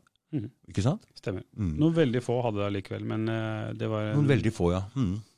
Så den måten som man tidligere liksom skulle vurdere ok, er dette avhengighetsskapende eller ikke, så satte de en, en rotte i isolasjon, og så ga de dem to valg. De hadde Mm. vanlig vann eller kokainvann eller Mm. heroinvann. eller hva Mm. det skulle være da. Og så, så, så observerte man rotta, og da så man liksom at eh, ok, rotta tok kokain til den døde. Mm. Eh, ergo er eh, kokain avhengighetsskapende. Mm. Ehm, men eh, det fiffige eksperimentet som de drev på, som du nevnte her, da, med denne rotteparken, hvor de liksom lagde en fin verden hvor rotter kunne De er veldig sosiale dyr. Mm.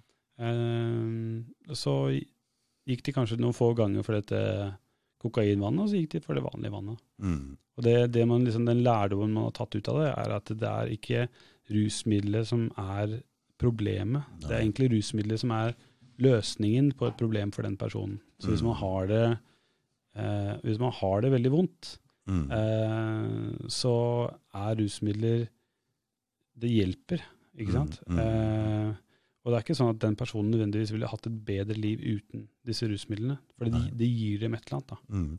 Og så er det jo sånn at jo mer du vikler deg inn i den rusbruken, jo, mer, jo mindre penger får du, og liksom du Livet ditt blir jo litt dårligere og litt dårligere, og det er derfor det blir vanskeligere og vanskeligere å, å bryte ut av det òg, ikke sant. Mm.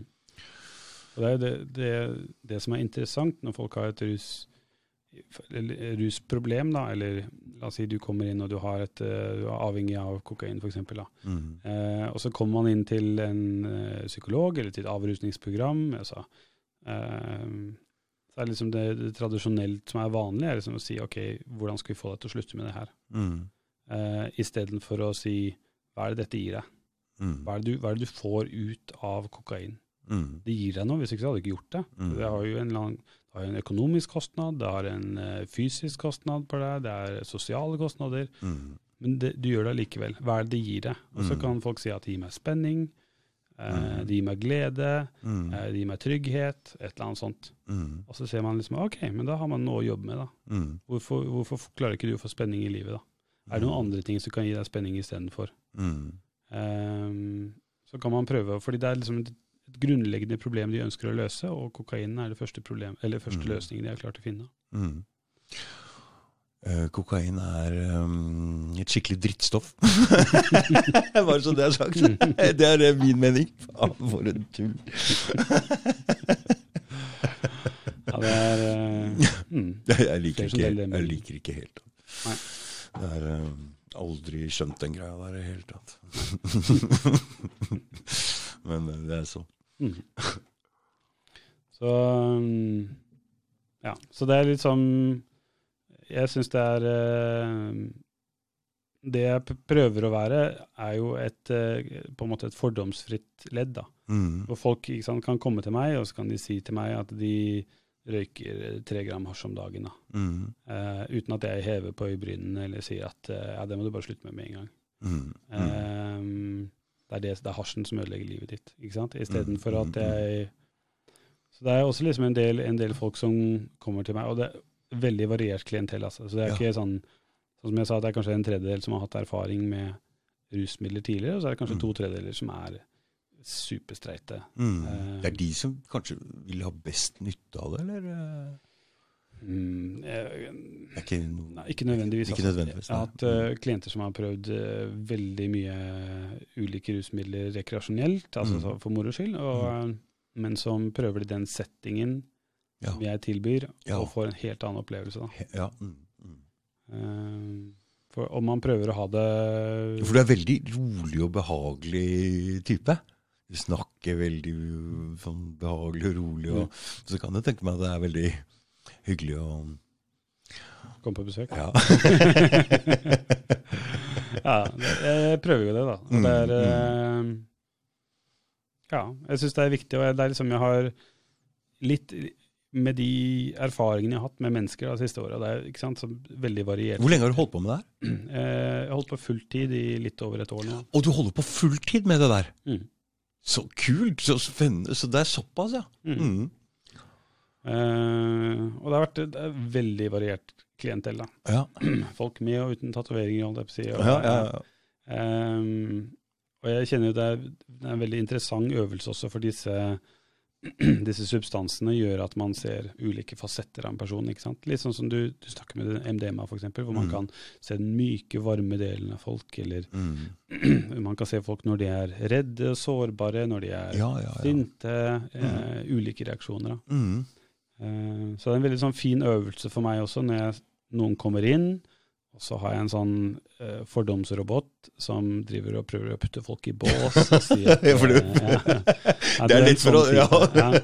Det går ikke, ikke sant? Det, det må bort. Ikke sant? Og så ser jeg alle ulike fasetter av den personligheten uh, mm. gjennom en sånn prosess. Og det hver, altså Den fordomsroboten tar jo feil hver eneste gang. Ikke Gjør det, ikke sant? Ja. Det der må, vi må slutte med det der. Vi må være, prøve å være åpne hele, hele tida. Mm.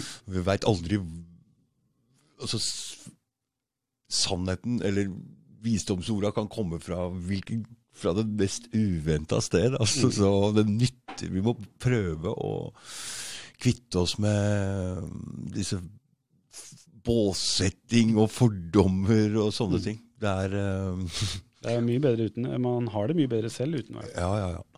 Men det, har, det der har jeg Jeg har en sånn forståelse at um, hvis man ikke har turt å gå noe særlig inn i seg sjøl og har mye å skjule, så må man ha et filter på det man sier. Man kan ikke bare si alt rett ut. Og når man har det filteret ut, så har man det filteret inn også. Da kan man bare høre på noen visse personer. og jeg syns jo noe av problemet i dag er at folk med høy utdannelse, høy sånn, de liksom har en høyere status. Og det er bare de som blir hørt. Men jeg føler at på en måte de er litt uh, indoktrinert, eller de er litt uh, de, de, kommer ut med den høye utdannelsen sin, de ser på TV-en, de, de, er så like. Men det er ikke der sannheten ligger. Mm. Og den kommer fra helt andre steder for folk som blir sett på litt mer som utskudd. Altså, så de blir ikke hørt. Jeg mm. tror syns det er noe av problemet i, i, i samfunnet i dag. Mm. Ja, det vil jeg si meg enig i. Og det, jeg tror uh, Det eneste som er kanskje liksom jeg vil, jeg vil ikke si kanskje at folk ikke tør å se innover, men at de kanskje ikke Fordi jeg tror når folk ser innover, så finner de alltid noe fint. Det er alltid noe fint de finner hvis vi går innover. Mm. Men Eh, at man kanskje ikke vet det, da. Så man har en eh, og man ikke vet helt at man kan se innover, og man, man vet ikke at det finnes en mulighet engang. ikke sant? Nei, nei. Og det er masse typer opplevelser som, som også kan la deg se innover, som hvis man det finnes noen altså Noen finner gjennom meditasjon, eller gjennom yoga, eller mm, ja, hørt. pusteøvelser. Mm, mm, um, og ja, psilocybin, MDMA. Um, og, eh, så er, noen får det når de holder på å dø, og så kommer de tilbake.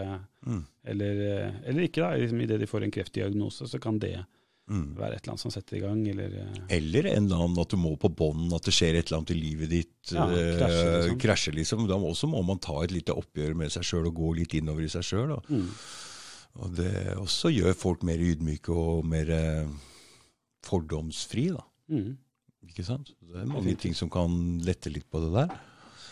Jeg tror, eh, ja, jeg tror det er eh, Noen ganger så kan liksom på en måte smerte eller ubehag også være en vei til å eh, oppleve mer. Da. Mm. Du, jeg er litt interessert i Når folk kommer til deg da med, med, med stoff, mm. så veit jo ikke du uh, renhetsgraden og sånne ting. Og da sa du til meg på telefonen at du har sånn, du kan sjekke noe greier. For det, det er jo viktig å få riktig dosering her. Mm. Er det folk Vil de velge Har du da en sånn liksom Kan folk velge liksom hva, hva slags type hva slags styrke de vil ta sjøl, eller er det noe du anbefaler? Eller er det, er det, velger folk forskjellig type styrke for å få forskjellig virkning, eller? Ja. ja. Altså, det er jo uh, ikke For du begynner jo å få ganske god oversikt og peiling på det her nå, etter å ha holdt på med det så lenge. og Det er jo supererfaring. Mm. ikke sant? Uh, så du anbefaler forskjellige uh, For MDMA så anbefaler jeg generelt sett eh, liksom en standard ja. dose. da. Fordi det, Hva er det? Hva er den på? Altså Det er litt sånn vektavhengig, men sånn ca. 100 mg som startdose. Og så ja. etter 90 minutter så kan man ta 50 mg til. Ok. Uh, og det er litt sånn Hvorfor, hvorfor vil du gjøre det sånn? Um, altså det, det, er det man har gjort i de kliniske protokollene. Ja, og det er litt sånn i sjiktet hva skal si for noe, Det er et øvre sjikte av opplevelsen, så du får definitivt en effekt. Eh, så etter 90 minutter, halvannen time, da, for da mm, vil jo den være i den forståelsesfasen igjen. Da vil det verste Forvirringen, eller, forvirringen, sånn, ja. eller den ligger Oppturen har landa seg. Da. Ja, landa ja. seg, og da kommer, så da vil du gi en liten, liten påfyll, er du? Ja, hvis folk vil. Ja, Hvis folk vil, ja. ja hvis de mm. føler at de ønsker det. Da liksom kommer man litt dypere, og opplevelsen varer litt lenger. Ja. Mm. Men det er eh, så er det liksom, da, da ligger man inn, innenfor det på en måte si, terapeutiske vinduet. Hvis man tar for mm. mye MDMA, så kan man få mer av de um, negative bivirkningene ja. av MDMA, som gjør at man kanskje uh, At det kan være litt sånn litt mer Bli litt surrete. Uh, mm. Mm. At man uh, ja, at man gjentar seg selv, eller uh, sånne ting. Da. Så der er det ganske sånn ja. Der har man liksom en, en fast dose da, som, er, uh, som de bruker i disse kliniske mm. protokollene. Mm. Eh, og du nevnte hvordan man tester det. Så er det, finnes det noen reagenter, Mm. som er en type væske som man kan eh, helle over en liten dose av det stoffet man har. Da. Da hakker du det opp i pulver, ikke sant? Og så, Ja. Eh, så vi ser på farven, eller? ja, så er det en fargekode. da. Mm. Um, og den fargekoden indikerer liksom ok, er dette MDMA, er dette amfetamin, er dette ulike stoffer. da. Men vil du slå f.eks. For forskjell på for det, Jeg vet i hvert fall før så var det jo ikke bare MDMA. Det var MDA, det var MBDB og 2CB. og Vil det vise forskjellen på disse stoffene? Eh, ja, for det meste. Det vil ikke vise Altså eh, Det vil ikke kunne vise forskjell på MDA og MDMA, f.eks. Nei, det er for likt. Ja. Mm. Eh, så, men 2CB vil ha en annen fargekode. MBDB er kanskje ikke noe Fins ikke lenger, eller? N- eh, Aldri vært som borti. Ja, Nei, aldri vært borti. Nei. Um, så det, og så er det jo sånn at det eh, MDA eksempel vil ha en ganske lignende effekt uansett. Mm. Og selv om det er litt mer giftig, så det er liksom Er det? Ja. Ja, så det er lavere, lavere dose for overdose, f.eks. Ja. Um, men uansett så er det veldig langt unna den terapeutiske dosen som man ville brukt. Ja. Um, så det er ja, Så da vil man få testa uh, hva det er, da, om det er MDMA. Og MDMA er liksom det som eh, ofte selges som MDMA. Altså har man jo, man kan jo få kjøpt piller, men ofte selges det som krystaller. Mm. Man kan få kjøpt piller også, da kan det være blanda inn andre ting som koffein eller amfetamin noen ganger. Og, Mm. Mm. eh, fin, jo Men er de ja. krystallene ordentlige, eller? For jeg har prøvd den, syns synes de har vært litt rar. Og, og nå mm, har jeg plutselig litt peiling på kjemi. Og, Mm. Og så har jeg vært i Thailand, og der kom jeg til å prøve de der Jaba-tablettene. Mm. De er jo til å røyke, ikke sant? Hva kalte du dem? Jaba? Jaba. og Det er, øh, det er amfetamin til å røyke. Ja. Så, men det går jo også an å spise dem. Mm. Men siden de er til å røyke, så er de basiske. Mm. Du vet ikke om du er klar over det at øh, når man f.eks. lager kokain om til base, så kan man røyke det. ikke sant? Mm. Fordi det er surt, og da bare spruter og puffer det. Men hvis du lager om til base da, med salmiakk og sånne ting, så blir det basisk, og da, da går det an å røyke det. Da Ja. legger du det på aske, og så renner det liksom ned som Men den krystallen, den er basisk. Den er aldri lagd om til eh, til eh, eh, Altså, når man lager over en væske om til pulver, Mm. så bruker man syre. Mm. Enten saltsyre for å få ja, Eller svovelsyre for få sulfat, eller sånne ting. Mm. Så, men den krystallen den er basisk, og det, når jeg spiste de ABBA-tablettene i Thailand, så ble jeg sånn Jeg vet jo ikke det er noe bra å spise det basiske greiene. Så jeg har jo spist, prøvd den krystallen, men jeg, er det ordentlig MDMA, eller? Jeg syns ikke det virker sånn som det gjorde før øh, i gamle dager. men det Sånn som du husker det? Ja. ja, sånn som jeg husker det. Det kan jo Eh, være settingen som sagt også.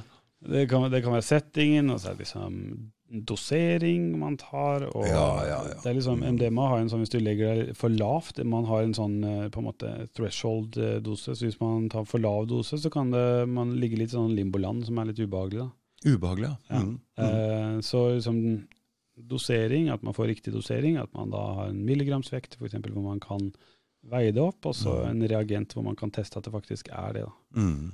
Eh, For det var en del annet sånn der kinesisk metokometrono, Jeg husker ikke hva det het engang. Så var det veldig ble, Som folk ble solgt som eh, MDMA, da.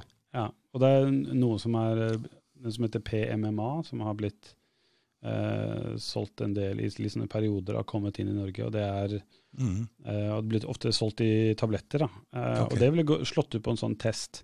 De vil slå ut som MDMA, ja. ja. Mm. Nei, det nei, ikke, Nei, ikke som MDMA. nei, du- det vil slå ut som, som noe annet enn MDMA. ja mm. Og det, det har vært en del dødsfall i Norge pga. det. Jeg husker ikke om det var 27 stykker eller noe Oh sånt. god, er det Ja. såpass, ja? Mm. Og det er fordi den har en, Den er eh, tre ganger så giftig som MDMA, så den har en eh, overdoseterskel på rundt et halvt gram. Mm. Og så i tillegg så har den en eh, lengre onset. Det betyr litt- eller du, det tar lengre tid før det kicker inn. Oh ja. Det er så litt sånn dum ja, kombo, ikke sant? hvor folk tar én, Mm. og så venter de litt. Og så tar Virker ikke, og så tar de mer, ikke sant? Ja. Mm. Interessant. Så, så egentlig hvis man skal prøve MDMA sånn, så bør man egentlig ha det reagenssettet som du prater om der. Ja. Mm. Det, nå selges det i Norge også. Det var oh, ja. Emma Sofie jeg solgte det før, men nå er det en annen Testkits Norge eller noe sånt, Oh, ja. Eh, som har begynt å selge det i Norge. Mm. Og det er, Hva koster det? Ja, det koster 500 kroner, tror jeg. Ja. Så det liksom Hvor mange ganger kan det virke? eh, 1000. Oh, ja. Altså, eller uendelig. Det er som du har en flaske, og så er det bare én dråpe som skal til. Oh, ja. Mm. Så det, um, det er veldig mye. Og det anbefaler jeg Mm. eh, alle å kjøpe hvis man skal prøve det. Fordi det er eh, Ja. eh, det er dame på den, på den sikrere siden. Da. Ja, det, er absolutt verdt å gjøre. Um, og så er det jo for psilocybin, så Ja. er det jo eh, Da kan man jo se det på selve soppen. Okay. Uh, de, ser- de ser ulike ut, uh, så man Ja, for- kan kjenne det igjen. Ja, for du, du, du sa jo der at det er forskjellig, masse forskjellig sopp nå. Ja. Mm. Ja, det, det finnes en haug med ulike sorter overalt i hele verden. Ja. Den som er vanligst i Norge, er den som heter spissfleinsopp. Mm. Um, og så- men så er det ja, ting som blir dyrka også, da.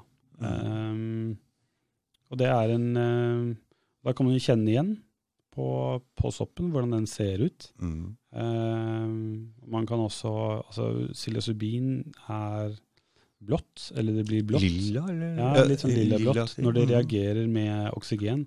Ja, ja, for det kan du se under hatten på spissfleinsoppen, at det er et sånt lilla skjær der. Ja.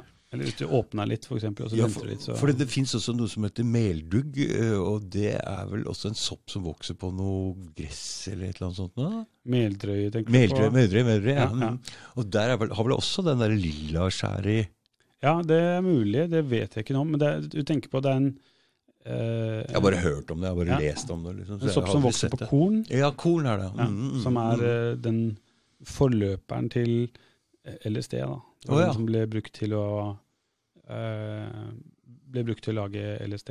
Og som også har en psykoaktiv effekt, men som også er giftig. Mm, Men det vokser overalt. Oh, ja. Men ikke spis det. Nei. Det ser ikke så digg ut heller. Er, nei. Nei, hvis dere skal spise dette, her, så må dere dra til Oskar, ikke sant? Ja. Jeg ikke anbefaler å drive med dette her alene. I hvert fall ikke hvis du ikke har gjort det før. Det er eh, greit å, greit å kunne ha en veiledning på det her. Altså det, det, Og er, få riktig setting på det også. ja, det, det er greit å forberede seg, ikke sant? og det Mm. kommer an på hvor god man er på å forberede seg selv. Og det er jo Mm. hvis man har muligheten til å lese litt om det, og man har muligheten til å finne en tripsitter, eh, som har en god venn En tripsitter, ja. Ja, Mm, mm. no, Noen som er trygge og som vet hva det går ut på, som kan hjelpe deg, så kan du begynne med en litt lavere dose osv. Så, videre. Mm. så er det jo det også eh, en fin måte å gå fram, da, hvis man Men så er det jo En del folk vet liksom ikke hvor de skal begynne hen, og de Jeg har jo møtt folk som på en måte tar, har tatt enorme mengder MDMA, da, Mm. og får blackout og hvor det, jeg bare uh, det, det er litt, litt, kanskje litt mer enn det som Mm. eh, jeg ville anbefalt. Men du, det er litt rart, fordi jeg hadde en venn her nå for ikke så lenge siden, og han tok en uh, halv E her sammen med meg, men jeg var helt nykter. Men det som skjedde, var at jeg på en måte gikk inn i den samme energien og følte noe av det samme som han følte. Jeg, og, og liksom vi, Så det ble liksom bra stemning av det for det. Mm. Føler du noe av det samme når du har en klient som uh, tar MDMA? Går du liksom litt inn i 100%, Ja, det ja. gjør du, ja. Mm. Kontakthøy, som Ja, man kaller det. ja, ja, ja, ja, for det, det skjer, ikke sant? Mm. Mm. Og det er både på psilocybin og, og MDMA. Og det, folk har jo Det er noen, noen sånne faktorer som går igjen, ikke sant, hvor man eh, ofte egentlig på eh, psilocybin så er det veldig vanlig at folk gjesper litt i begynnelsen, f.eks. Mm. Eh, på MDMA så gjør folk ofte sånn Mm. mm. eh, Og når jeg begynner å se det på folk, så kan jeg kjenne det i fingertuppene mine. Du kjenner det sjøl òg, Ja. For vi er connecta på en litt annen måte enn det vi er klar over fra før, ikke sant? Mennesker. Er, eh, ja. Det er, det er noen magiske ja. ting som ikke vi helt eh, har, fått, Ja. har forstått. Ja, det, det vil jeg si meg enig i. Altså. Mm. det er veldig sånn Jeg har egentlig vokst opp sånn ganske sånn materialistisk, eller filosofisk materialistisk, med at jeg tror på at dette bordet er Det, det er alt som fins, på en måte. Mm, Og, mm, mm. det er sånn at jeg og jeg tror ikke på ting som ikke i utgangspunktet, men jeg begynner jo å bli veldig veldig mye ydmyk mot uh, For jeg har jo hatt en reise nå i det siste som jeg ser at bare ting er så Stemmer så veldig. Mm. Det kan ikke være bare Jeg kommer i kontakt med de, de folk Alt bare lines opp som det, ja, det, det, Når jeg ser sånn i etterkant, så bare ja, Det her er jeg, men, Det er veldig vært en rar reise siste halve året for meg. Altså. Ja, det Med den podkasten her og det greiene her. Ja. Og det er, eh, det er også veldig interessant at det, det er en fyr som heter Stanislav Grof, som er liksom LSD-terapiens gudfar, da, som han kanskje kalles. Han har jobba Han hadde 5000 pasienter eh, gjennom eh, LSD-terapi. da. Mm. Så han liksom, kan godt si da at han er erfaren. Mm. Um, og så har han, han har skrevet en haug med bøker da, som handler om bevissthet og alle disse tingene, og hvordan disse opplevelsene som hans pasienter hadde, da, som er ganske sånn merkelige opplevelser hvor folk eh, har eh, besøker tidligere liv, og alle sånne ting som man liksom ikke klarer å forklare. da. Tror du på det, Oskar? Um, Vi kan ikke si det- noe, vi kan ikke si noe for folk har forskjellig sannhet. Ja. Hæ? Vi jeg kan ikke vi, aner ikke, nei. men jeg utelukker det ikke, da. Nei, vi kan ikke utelukke Nei. noen ting her da. Jeg er i hvert fall sikker på at jeg ikke skal utelukke det. Men, uh, eh, litt sånn som han, eh, han Stanislav Groff sa, da, at det var, det var en del av hans pasienter som fortalte sånne historier som var helt utrolige, med at eh, De stemte hvor de har snakket med folk som hadde dødd i andre land. og så han, Noen av disse tilfellene så gikk han og bekreftet det. da, mm. For å finne ut liksom, kan vi da stemmer dette? Mm. Mm. Eh, og i en del av tilfellene så fikk han bekreftet det, hvor han f.eks. ringte det sykehuset hvor de var født, og bare som stemmer det at eh, Mm. Dette skjedde under fødslene, f.eks. Mm. Um, og så var det en del ting som han også så på, som han fikk avkreftet. Nei, det var, stemmer ikke i det hele tatt. Mm. Uh, så Men bare, bare, men bare at det stemmer, så, Ja. så, så er det noe der. Og jeg er jo den, av den oppfatningen at mennesker vi er kobla opp mot en felles bevissthet. Det er jeg ikke i ringeste tvil om. Det er jeg helt 100 sikker på. Og når vi begynner å prate om at det fins At det inni bare vann, og at det fins så mye så er det jo plass til alle liv som har levd, og alle bevisstheter. Så det er mulig det går an å koble seg på, men akkurat det at jeg sånn personlig som sjel har levd et annet liv, det er jeg ikke så sikker på. Men at det går an å få koble seg på uh, andre Det, det, er, det er, ser jeg ikke som umulig, for det er plass til så mye energi bare inni en vannmolekyl. Ikke sant? Det er så mye Det er så mye plass. mm. Ja, det er det. Ikke sant? Mm. Um, og, og det er liksom, da, da kvantefysikken kom, for eksempel, så var jo det også en Uh, Man kunne bevise at disse, en del av disse tingene man kunne bevise det gjennom kvantefysikk. Da. Mm, det er At veldig eh, ting kan være to steder på en gang, Ja, og splitt, tid, eh, tid er, eh, ja, relativt. Og Mm. alt det, alle de tingene der som er helt Det er så vanskelig for meg å bare ja, ja, ja. forstå det, ikke sant? Mm, mm. ja, det er veldig hvordan er det mulig at tiden går fortere et sted enn et annet, ikke sant? og at tiden Mm. kan gå baklengs? Hva skjer da? At du kan påvirke en ting her, kan påvirke et annet sted med bare med Ja. ja. Det er veldig det er, eh, det er en Det er mye rarere, det, ja. ja, det er Ja. mye rarere og magisk verden enn det vi det, vi, det jeg har trodd, i hvert fall. Det er Mm. helt sikkert. Ja, definitivt. Mm. Men eh, hvor mye koster det å ha en sånn eh, terapitime eh, hos deg? Og mm, hva, hvor lenge varer dette her? Og du sier etter 90 minutter du kjører på med enda en dose. Det er ganske lange sekvenser, da. Ja, det, er en, det en hel dag. Det tar en hel dag, ja. Mm. Så det, det koster jo en bolk penger. da. Det koster jo 8000 kroner for sånt, eh, en sånn prosess. Og Da er det to forberedelsestimer som er separat, og så setter man en hel dag til selve opplevelsen. Så tar jeg en liten telefonsamtale, sjekker det et par dager, og så er det integrasjonstime eh, to uker etterpå. da. Mm. Så det er på en måte et, det er et ordentlig, ordentlig det, er, det er ganske intensivt da, Ja. på mange måter. Og den Mhm. dagen man setter sammen, så er det jo sånn man er jo under påvirkning kanskje seks timer. da. Ja. Ikke sant? Mm. Et, rundt fire, fire til seks timer. Og mm. det mm, eh, Og det er ganske intenst, men jeg har prøvd å gjøre det liksom så kompakt som jeg kan, som jeg mener liksom er forsvarlig eller optimalt. da. Mm. Eh, og så vil folk ha, kunne få et lydopptak fra dagen, så de kan eh, Mhm. Det er kult. Mm. spillelisten som de kan Mm. høre på etterpå for å dykke inn igjen i opplevelsen igjen. da. Ja. Så de får et lydopptak av samtalene som de kan høre på etterpå. Mm. Det er veldig kult. Det er, eh, og det kan være ganske heftig, da, for du har en um, si, Hvis man skal ta et mer sånn klassisk eksempel med PTSD, f.eks., altså en posttraumatisk stresslidelse, Mm. eh, hvor man har et traume man ikke har, kan snakke om. Mm. Det, det gjør for vondt, det blir, du blir for stressa når du skal snakke om det. Mm. så det, det går For det er ikke. mange som har hatt kjipe opplevelser, ikke sant? Det er veldig mange. Ikke sant? Og det og så er man f.eks. under påvirkning av MDMA, så føler man seg plutselig trygg. Da kan man snakke om det. Man kjenner at det, oi shit, jeg kan snakke om det her Mm. uten at uh, jeg får panikkanfall. da. Mm.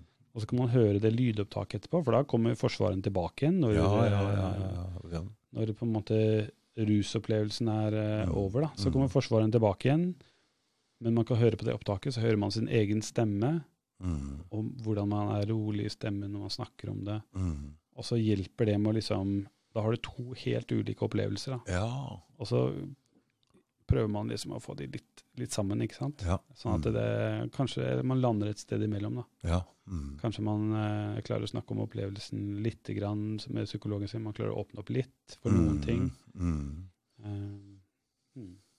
For det er mange som har hatt så ikke sant? Jeg har ikke hatt så kjipe opplevelser. Jeg har ikke blitt f.eks. misbrukt som Det er jo skikkelig tabu for en gutt ikke sant? å prate om det, Mm. sånne ting. Ja, så det Så jeg har jo ikke sånne kjipe ting. Så det er derfor, men jeg kan tenke meg at når man har hatt veldig kjipe opplevelser, så sitter det ganske dypt å snakke om. Mm.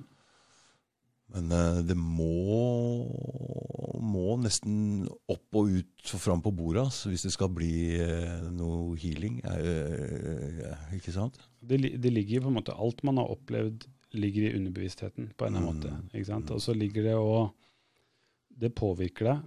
Enten du vil det eller ikke, så, så påvirker det livet ditt, handlingene dine. Ehm, og folk tenker liksom at man har jo I hvert fall mannfolk er veldig glad i liksom bare trykke ting litt ned. da. Mm. Eh, man har hatt en litt sånn kultur for det, og det er liksom generelt sett så er det jo bare å ta deg sammen og jeg vet, Det her kommer til å gå så bra at eh, ikke tenk på det. Mm. Man har en sånn eh, mentalitet, da, og så Mm. blir det liggende i kjelleren og, og stinke. da. Eh, Helt til det får et eller annet utslag, ikke sant? Ja. Eh, og da er det liksom det å kunne få det, kunne få det opp, eh, sånn at man kan prosessere det og rydde opp i kjelleren. sånn at det, Mm. det kan være en veldig fin opplevelse for folk. da. Mm. Kan endre ting. Mm. Har du masse bra, positive resultater? Du sa du har holdt på halvannet år, var det det? Eh, litt i overkant av et år. Ikke i overkant av et år, Litt i ja. Mm. Så, um, Du har inne pasienter daglig nesten, da?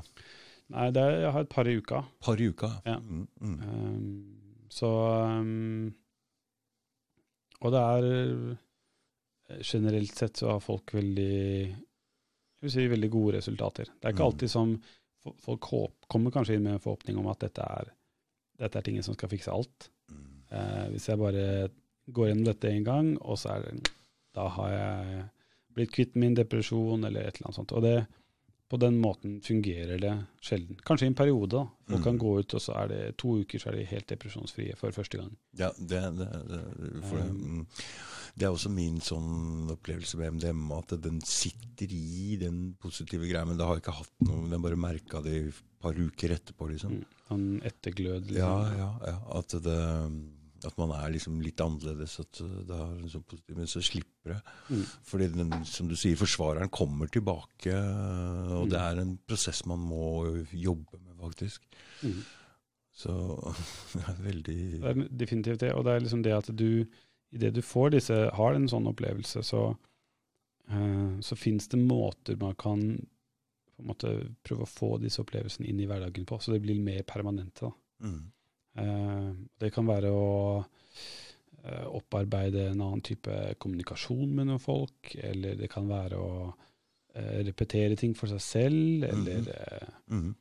ehm, Så For man ser hvor skoen trykker, ikke sant? og for man må egentlig gjøre Man må egentlig gå og gjøre noe ja, Man må gå et fysisk skritt også i retning av den veien man Altså man må gjøre en forandring også. Mm. Ikke sant? Ikke sant? det. Det, Bare ta rusmidler i seg selv er liksom nei, ikke nei, det må liksom ut i praksis. Man må gjøre noe, et steg i riktig retning med å, som du sier, kanskje forandre måten man snakker til noen mennesker på, eller ja, Mm. man må, For hvis man gjør det ene skrittet, så er man i gang. Mm. Da er prosessen i gang. For det må opp faktisk fra bare tankenivå og fra rusnivå til å prøve å gjøre en Gå et skritt i den virkelige verden, i Mm. riktig retning. Mens jernet er varmt. Ja, gjerne. Fordi det har jeg Du veit jo det The Secret og det der tankens kraft og alt det greiene der. Og det er greit. Eh, Og det er selvfølgelig begynnelsen på alle ting. Men, men du må faktisk gå et må gå og gjøre en ting i riktig retning òg. Men det som er veldig morsomt da, det er at verden kommer et skritt mot deg òg. Mm. Ting ser annerledes ut når du har gjort det ene, ene fysiske tingen, da, som du skjønner at jeg må gå og gjøre den ene tingen. Mm. Selv om du ikke ser uh, hva som skal bli forandra der hvor du står nå. Mm. Når du går det fysiske skrittet og gjør den ene tingen i ja, sånn, Mm. så vil verden komme et skritt mot deg, og ting blir annerledes. Mm. Det er det, det må alle vite, selv om du er i det mørkeste hølet og du ikke skjønner hvordan du om, du- Du ser ikke noe forskjell om du kan gå et skritt i en retning, men det vil forandre. Det vil forandre seg, for det, ting er magisk. Du går et skritt, verden kommer et skritt mot. Mm. Det er sånn jeg har øh, Sånn jeg opplever det også. så, Sånn du opplever det òg, ikke sant? Mm. Det er morsomt, det var kult å si, for det, jeg, jeg har ikke prata med det her om så mange. Mm. Og det er liksom, Jeg har ikke vært i tankehuet mitt så lenge, eller, men det er sånn jeg har forstått at det fungerer. da. Er, man, eh, man, man, man eh, Det var Buddha som sa at man, har, man ser at verden skapes i ditt sinn. Mm. Eh, og på den måten at du, man har en eh, Man ser litt de tingene man ser etter. Mm. Eh, og som jeg syns er et veldig interessant konsept. da. Du kan se det ulikt. Du kan se to personer sant, som den ene personen sier at verden er et kjipt sted, den andre sier at verden er et fantastisk sted. Mm. Og begge to har uendelige argumenter for hvorfor de har rett. Mm. Ehm, og, de, og ingen av de har på en måte feil, men de, det er fordi de ser etter ulike ting. ikke sant? Så den, Mm, den mm. personen som forventer at verden skal være et kjipt sted, den ser etter alle tegn på hvorfor det er kjipt. Se der, nå skjedde det igjen. Mm. Mm. Eh, mens den andre personen overser alle de negative tingene, Mm. men ser bare Oi, men se så fantastisk det er. Se på det der. Der Mm. kommer det en and flyvende, liksom. Mm. Men jeg har begynt å se på negative ting nå som en positiv ting. Mm -hmm. Hvordan da? Forklar. Nei, altså Hvis det skjer noe negativt, så plutselig jeg ser etterpå Ja, men det var jo for en grunn. Mm. Det var for at det skulle bli bedre etterpå. Og Så- da, da ser du etter det positive i det negative, ikke sant? Ja, ja, ja. Så det kan være ja, For det har skjedd masse sånne negative ting som jeg ser som Men det, jeg tenker, men det var jo riktig. Mm. Det skulle skje fordi da, Skjedde det andre da, etterpå. da ble det bedre etterpå.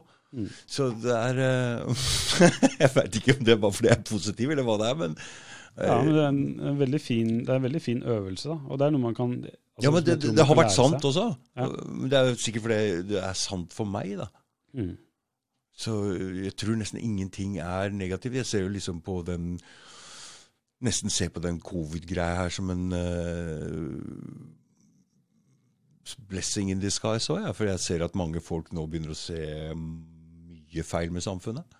Andre feil med samfunnet. Mm. Og samtidig så jeg Man kan se både negativt og Men så tror jeg det at eh,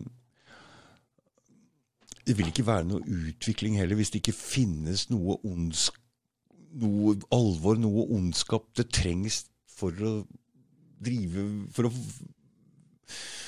vekke opp folk til at skal ting skal gå framover, da.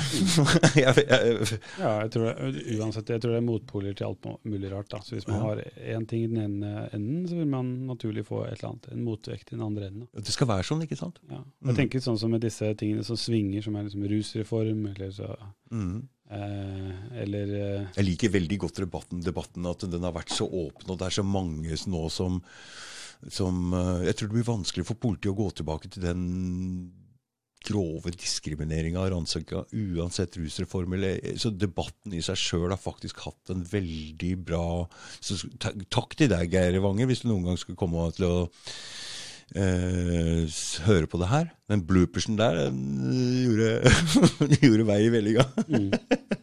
Ja, det var eh, eh, ve veldig Det var en veldig interessant eh, prosess å se på, syns jeg. Mm, mm.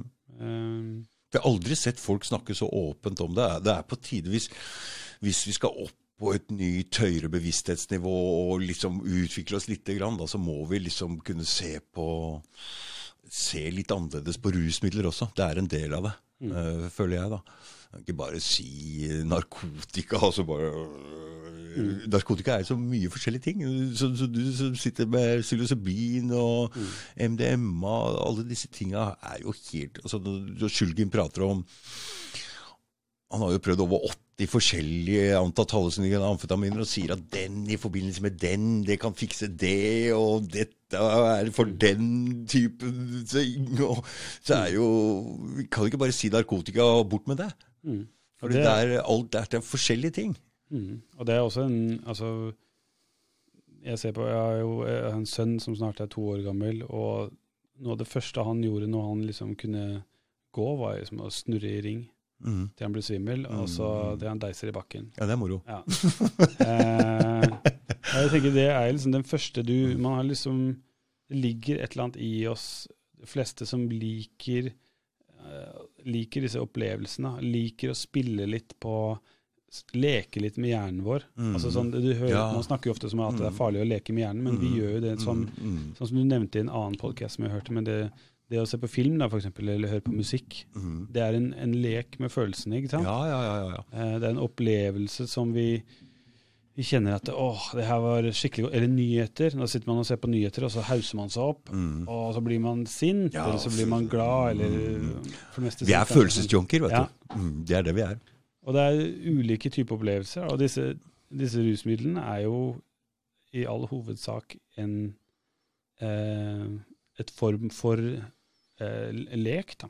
Mm. Man kan se på det som altså Hvis du ser på eh, alkohol, da, som er Mm. kanskje det mest vanlige rusmiddelet, Mm. eh, eller som er det mest vanlige rusmiddelet som vi har i Vesten, Mm. eh, så er det jo sånn at det er jo Det kan være veldig skadelig, det kan være forårsaker masse kriminalitet og vold og alt det der. Eh, men så er det også den andre delen av det som er liksom Det kan jo også være veldig gøy. Mm, mm, Det kan være skikkelig gøy, og Ja. det kan være veldig hyggelig, og det kan Ja, ja. en fin måte for to venner å snakke ut sammen mm. på en måte som man ikke har fått til tidligere. og Det, det er liksom en, eh,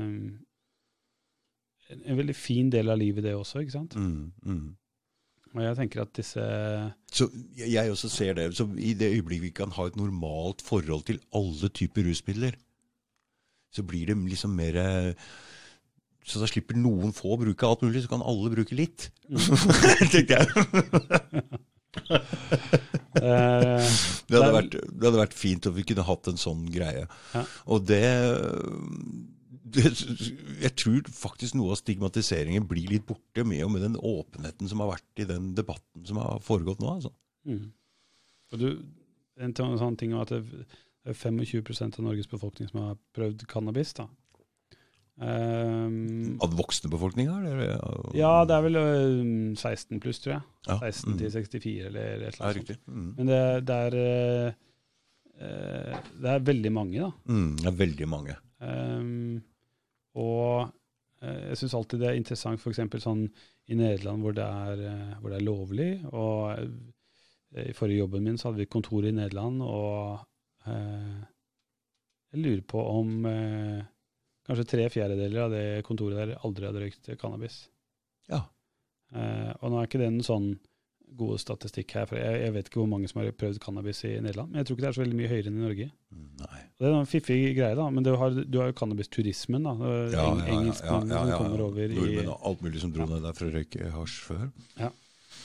Ehm, Men jeg syns det er eh, Og det er, jo- det er en grunn til at vi søker disse opplevelsene. og Det, er ikke nødvendig- det trenger ikke være noe sykelig, det trenger ikke å være det en eller annen Men det er bare liksom en, en slags opplevelse, da, som, eh, som å reise til et annet land, og Mm. man har lyst på liksom litt andre smaker, litt variasjon Mm. og sånne ting. Mm. Ehm, Ja, for det blir mye kjedelig i livet. Det blir jo ofte veldig likt. Nå har jo du et veldig kul jobb, da, så du får Ja. oppleve mye rart.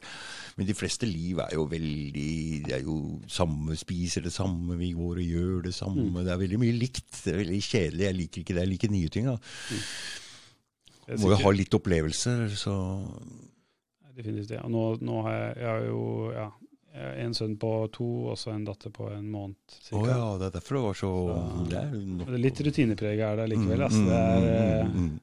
man, eh, Men det er jo livets meninga med livet. og så er det en periode hvor det blir litt sånn eh, rigid, da. Eh, Mm, Lever mitt A4-liv, og så blir det mm, en periode etterpå hvor eh, man kan kanskje ja, reise litt og mm, sånne mm, ting. Da. mm. Det- Du har lyst til å reise? Jeg har litt lyst til å reise, altså. Det, og det er trenger ikke være så langt, og det, det kan egentlig være eh, i Norge for den saks skyld, men jeg bare, jeg bare sitter i Oslo så lenge at jeg Mm. ja, gleder meg Du vet, jeg har jo sittet um, f.eks. åtte måneder i varetekt på Bayern. Ja. Men når jeg ser på det etterpå, så virker det jo som Det var jo bare en sånn liten plass i huet mitt. Ja. Mens hvis du er 14 dager på ferie, liksom, så blir jo det en, like stort som de åtte månedene. Ja. Så det er jo om å gjøre å få opplevd noe ting i dette livet. Hvis ikke så blir det veldig lite i minneboksen. altså. Mm. ikke sant? Ja. Det er jo så, så det er litt eh, Det er viktig. Mm. Og rus er litt sånn samme som det. Opplevelser. Mm. Kan være. For det, at man blir avhengig av noe sånn med en gang. Jeg satt jo her og hadde en eh, venn eh, i de tidligste podkastene her som sa han hadde brukt heroin. Og det ble litt sånn Jo, drev du med det? Er ikke det så farlig at det liksom bare du har prøvd den fire-fem ganger, at du aldri glemmer, og det er så veldig Du vil alltid søke mot det igjen? Og han sa nei, jeg, ikke i det hele tatt. Mm. Fordi jeg er ikke, liker ikke egentlig den typen stoffer i det hele tatt. Mm. Jeg er mer sånn som liker den andre typen oppadgående stoffer. Og da sa han med en gang det ble slutt med hun dama som drev med det, så har han aldri tenkt på det etterpå. Mm. Så det er ikke Det er visst ikke Men det er hans sannhet, da. Jeg vet ikke. Ja. Folk har forskjellige sannheter her. Og min, eh, min mor eh, og min Altså begge mine foreldre har jo fått morfin på sykehuset. Mm. Eh, Og vært inni det er opiumsrus. Ja, ja, ja, Så det kommer fra samme plante og har veldig lignende effekt. Mm. Eh, og det er liksom sånn Mamma kan fortelle om den opplevelsen og si at det var, eh, det var en fantastisk opplevelse. Mm. Eh, men hun har ikke oppsøkt i ettertid, da. Nei, Nei. for det er ikke sånn ikke sant, det fungerer. Det, skal, det, mm, det er absolutt en del av det nye Hvis mennesker skal opp på et nytt sånn bevissthetsnivå, da være litt mer For det mener jeg vi må. Vi, kan, vi er nødt til å deprogrammere vekk fra den TV-skjermen og det greiene Mm. der. Og prøve å leve livet litt mer og ta tak i de tinga i verden som ikke er bra. Mm. Ikke bare gi faen. Kriger og alt det dritten som skjer. Vi er nødt til å engasjere oss litt mer. Mm. Og en del av det der eh, føler jeg er en del av å se også på det med rusmidler, og se at vi må se på det på en annen måte. Vi kan ikke se på det sånn svart-hvitt lenger, sånn som det har vært. Det er helt feil.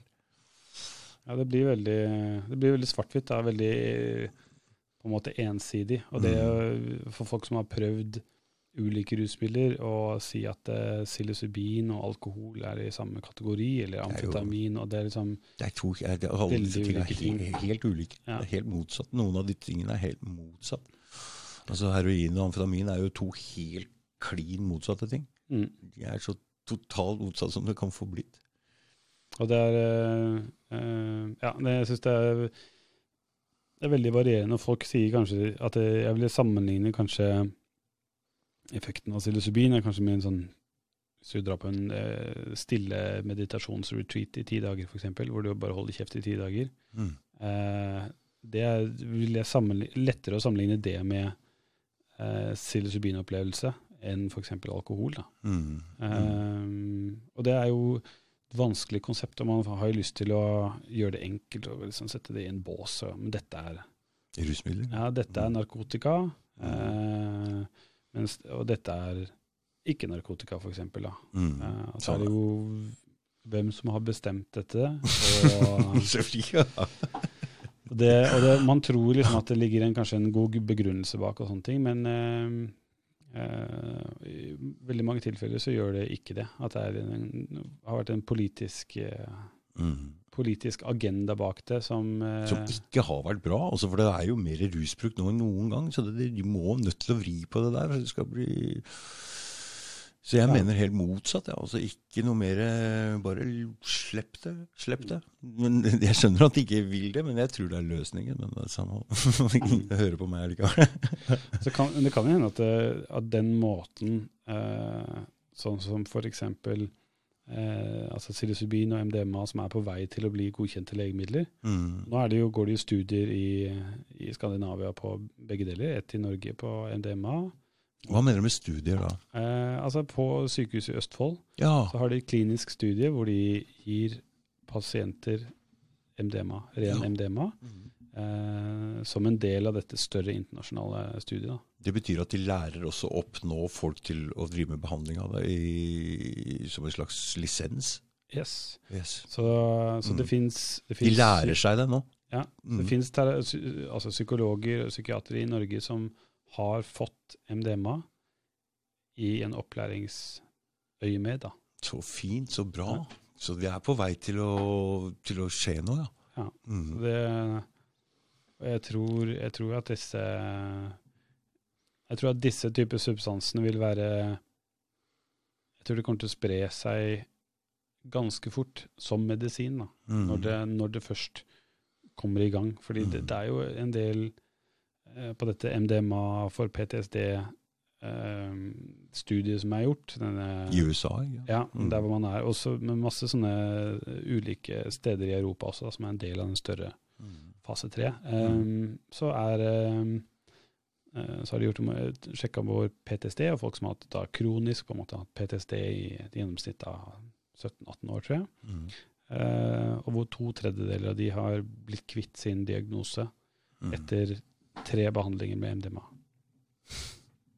Um, og det er ganske sånn, så det er en del folk som har Og så er man selvfølgelig man har gode terapeuter, man har eh, screena pasientene inn for å få gode resultater og sånne ting. Det gjør man med alle lege legemidler. Hva mener du med screena pasienter inn? Hva Så de, har, de setter noen kriterier, og så Ja, kan, de kan velge sine pasienter. Ja, inn i, så Mm. de kjører intervjuer og screeninger og sånne ting. Og så er det Mm. noen som går ut på liksom Ja, OK, du har hjerte- og karsykdommer, det går ikke. Og så, er det, Mm. og så velger man velger man de som tror, man tror vil få best resultater. Men dette er Mm. folk som har prøvd all mulig. ikke sant? 17-18 år med posttraumatisk stresslidelse, og de har prøvd uh, minst eh, to typer antidepressiva eller noe sånt, og psykoterapi og ulike ting. Da. Og så Mm. har ingenting funka, og så får man tre behandlinger med MDMA, og så er uh, to tredjedeler uh, av dem diagnosefrie eh, selv et år etterpå.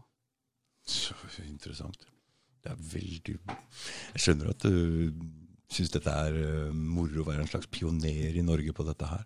Mm. Det er veldig Det er veldig spennende. Men det er eh, Ja. Så det, og jeg, jeg gleder meg jo veldig til det kommer til Norge. At når det blir godkjente legemidler, og man får opp disse behandlingsstedene. og jeg synes jeg, Det tror jeg blir veldig, Men, veldig men fint. Du med din erfaring har vel kanskje noe å tilføre disse folka, men de har ikke hatt noe kontakt med deg om det? Eller? Nei, men det er liksom Jeg Det er jo Jeg er litt utenfor uh, normcore, da. Mm, I, uh, mm, mm. Eh, Så det, det Jeg skjønner det jo veldig godt. Og det, det er en sånn litt sånn merkelig greie, fordi jeg jeg er ikke klinisk psykolog. Eh, og jeg har ikke fått den opplæringen, offisielle opplæringen, ikke sant. Så det ehm, På mange Men her er det jo erfaring på- som har mye å si. Ja. Ja. Ikke Det, sant? altså, For du, du, du er jo ikke den samme nå som du var for litt over et år siden. Nei. Det er ikke det. Det, erfaring har, har veldig mye å si, eh, Mm. spesielt i den typen um, form for terapi. da. Mm. Men um, Hvordan kom du på at du skulle begynne med det her? da? ehm, jeg lurte på hva jeg skulle bli når jeg ble stor, holdt jeg på å si. Ja, det, det skjønner jeg. Det. Eh, jeg, har ikke, jeg har ikke funnet ut helt ennå, da, men det Mm. Og så var det jo liksom Tenkte jeg at dette eh, hørtes veldig, veldig spennende ut. Mm. Men så hadde jeg alle disse på en måte hindringene. da, ikke sant? Å nei, man må, jeg må bli psykolog først.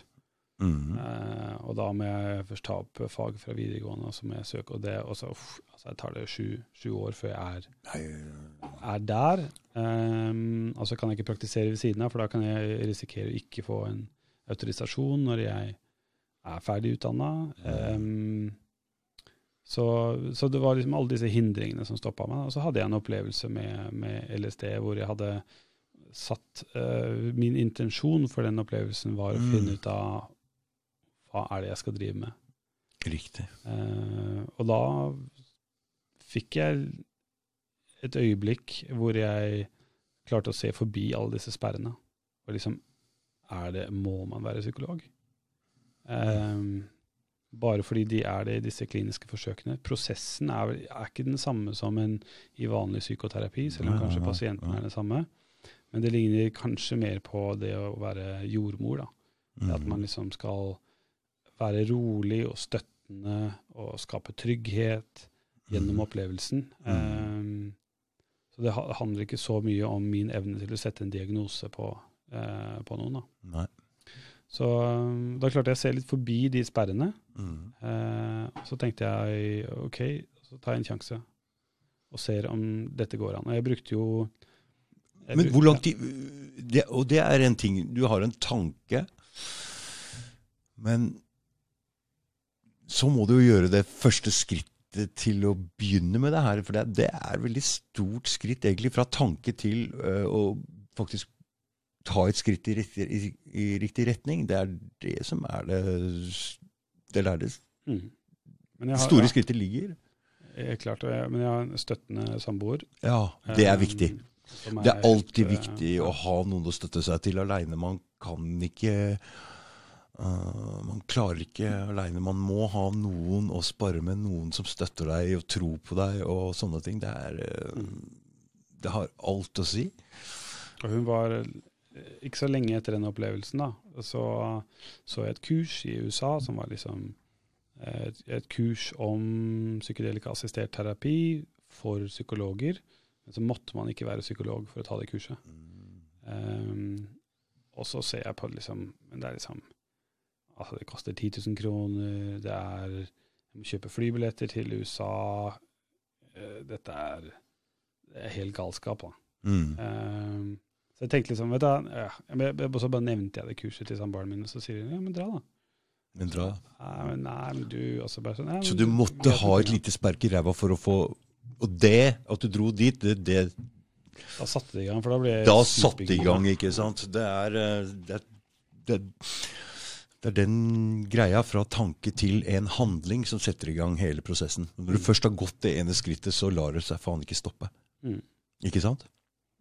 Da hadde Jeg var så, så gira når jeg dro dit og satte meg på første rad og hadde Mm, lest gjennom all dokumentasjon de hadde sett fire ganger, selv om jeg visste alt fra før. og... mm, mm. og sånne ting. Og det, det fins jo veldig mye Det fins veldig få utdanninger innenfor akkurat det her nå Mm. som er relevante, men det fins det finnes veldig mange bøker om det, og så Mm. finnes det noen kurs som er eh, helt ok. Men det Um, viktigste du, Bare la meg gjette nå. Fordi når du kom ned dit, så visste du vel egentlig mye av det de skulle snakke om fra før. Mm. Men det viktigste var kanskje å treffe andre folk. Mm. Som var like gira. Ja, det er det, Som er, det, er det som er greia, skjønner du.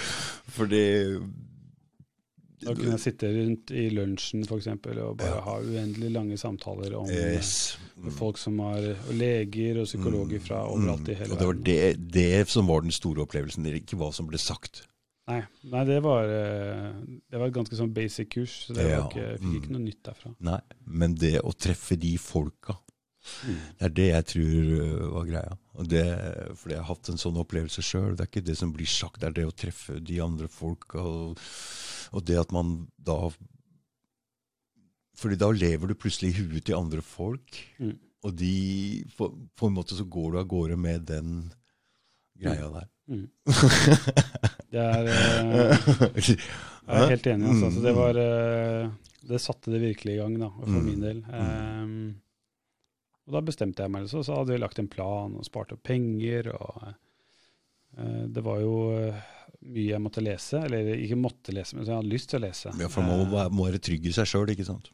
det er nettopp det, og det, disse opplevelsene er Uh, de er veldig forskjellige fra person til person. Så en av de bøkene som jeg på en måte ga meg best, var ja, han Stanislav Groff, som jeg nevnte, han gudfaren. Mm, mm, som har skrevet en eh, bok som heter eh, LSD Psychotherapy.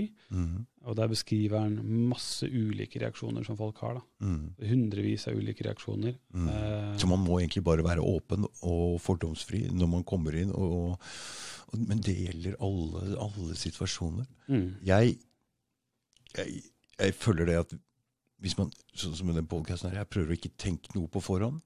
Og ikke tenk noe mens noe skjer, eller bare være 100 til stede. mm, Og så kan du heller tenke etterpå og, og skjønne hva som har skjedd.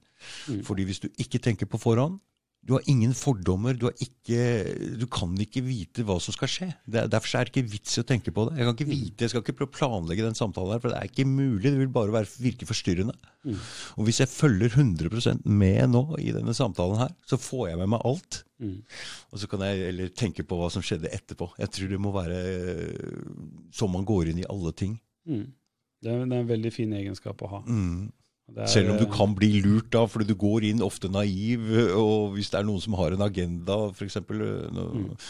så vil du på en måte bli litt lurt inn i noe. Mm. Men allikevel så er det verdt det, fordi da, kan da møter du folk helt åpent, og det kan skje masse kule, magiske ting.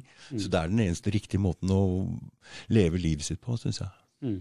Og det er en veldig fin måte å, å lytte på andre mennesker. Mm. ikke sant? Og Ja. det er veldig sånn I sånn terapisetting også, så er det kjempe Det å ha en person som prøv, virkelig prøver å forstå hva du Mm, sier, det er mm, ganske mm. sjelden, egentlig. Det er veldig sjelden. Det er sant. Så Jeg kjenner det selv når jeg, når jeg Hvis jeg ikke er i i jobbmodus, da, så kan jeg snakke med folk, og så hører jeg at jeg bygger opp min egen historie mens de andre prater. ikke sant? Og jeg ikke klarer, å, jeg klarer ikke å høre hva de sier, egentlig. Mm, mm, mm. Um, Så det ja. Det er veldig, veldig fint å, er fint å kunne være i det, syns jeg. Mm. Det Det må deilig. man være, men da kan man ikke ha tenkt noe særlig på forhånd om hva det er, for man har ikke peiling på hva som skal skje heller. Mm. Det var bare det jeg tenkte på når du sa det om sånn Stanislav Grov, som bare måtte til slutt gi opp og Ja. Ikke sant, for det Altså, så, er ikke lenge, noe så lenge det funker for folk, da, så har det ikke noe å si om det, det var det ene eller det andre. mm, mm, Bruk, bruk den opplevelsen du hadde, mm, og få noe positivt ut av det. mm. Det var, eh, det var moralen hans. da. Det var moralen, Det var det ja. Ganske enkelt. Ja. Det var Veldig fint. Bra samtale det her, eh, Oskar. Ja. Takk det samme. Ja. Jeg er Jeg er glad for at du bekrefter meg på noe av de tinga jeg sier, for det er jo egentlig bare noe jeg har tenkt sjøl og ikke prata med så veldig mange mennesker om. altså, så det er hyggelig at du hører at man får en slags sånn resonans hos deg, Mm. som har såpass god erfaring med dette her nå. Mm. Ja, det, det er bra. Får eh, For man, man trenger jo det. Man trenger jo en slags bekreftelse på de tinga man uh, tenker på. At det gir en slags uh, logisk eh, klang hos andre folk også. mm. Så Det er jo sånn man ofte sjekker at man ikke er gæren. Ikke? Ja. Det er vanskelig. Det er sånn hårfint skille der. mellom- Ja, ja, ja, for man tenker jo plutselig helt utafor boksen. Ikke sant? Ja. For det er ikke noe ting jeg har lest, eller det er ikke noe ting jeg har Det er jo ting jeg har liksom har forstått sjøl, eller ja, ja. Så- Hvis man i hvert fall finner én som er enig, så er det ikke helt det er liksom i hvert fall Ja, det bare, uff. Får du sove? Ja, uff, det er på rett spor. ja, for man kan ikke være sikker. Nei. Jeg er eh, sånn veldig Jeg varierer fra med å liksom «Ah, Ok, nå skjønner jeg alt, til å liksom bare så slipper igjen. Men jeg tror eh, det er veldig viktig å være sånn, for man er jo aldri ferdig, ferdig forstått. Nei. Man er på en reise. Ja. Og da må man faktisk slippe jeg tror, jeg tror faktisk det er sånn man lagrer ting. Mm. Når du får den derre ah, 'Nå skjønner jeg det!' Så er det akkurat som det Ok, da blir det ja. lagra, Ja. og så kan du slippe det, og så er du på en måte åpen igjen til for å lære mer. Mm. sånn, ja. Og så kan man ta opp litt de tingene man har lagra, så ta det opp igjen senere. Ja, ja, ja, ja, ja, ja, for å se på det igjen. Gjør litt vondt, da. Men eh, Nei. Ja, for det man må, hvis man ikke mm, er i en prøver og og Man skal jo utvikle seg. Det må jo være målet. mm. Så jeg håper jeg kan være villig til å kaste all forståelsen for det. Men det som er rart nå med disse podkastene her, er at jeg forandrer meg jo litt nesten etter hver eneste gjest. Så, for man blir jo inspirert av alle man snakker med når man har en sånn god, dyp samtale. Mm. Jeg Så, kjenner det samme selv også. Altså, jeg, ja. Mm. Når jeg hører på podkast, tenker jeg åh, det her er så fint å høre på. Ja, ja. Så genialt. Og så får med meg til neste. Men Ja, blir du, Speiling. mm, for du blir litt eh, av um, For du hører på mye podkaster, eller? Ja, ganske mye. Mm. Det er bare sånn psykedelika-relatert, da. Ja, ja, ja, liksom ja, helt i min egen boble. Og ja, ja, ja, ja. normaliserer det til en Sånn at det, andre folk er jo, tror jeg, spikk spenna gæren fordi jeg, jeg tolker det som så normalt. ikke sant? Fordi det er det jeg hører på, det jeg leser om. Mm. All, masse eh, farmakologer og psykologer og leger som snakker om dette som om eh, det er en selvfølge at dette skulle være medisiner for lenge siden. Mm. Ikke sant? Og Mm, da, mm. Man former seg etter Ja, ja, ja, ja, ja, ja.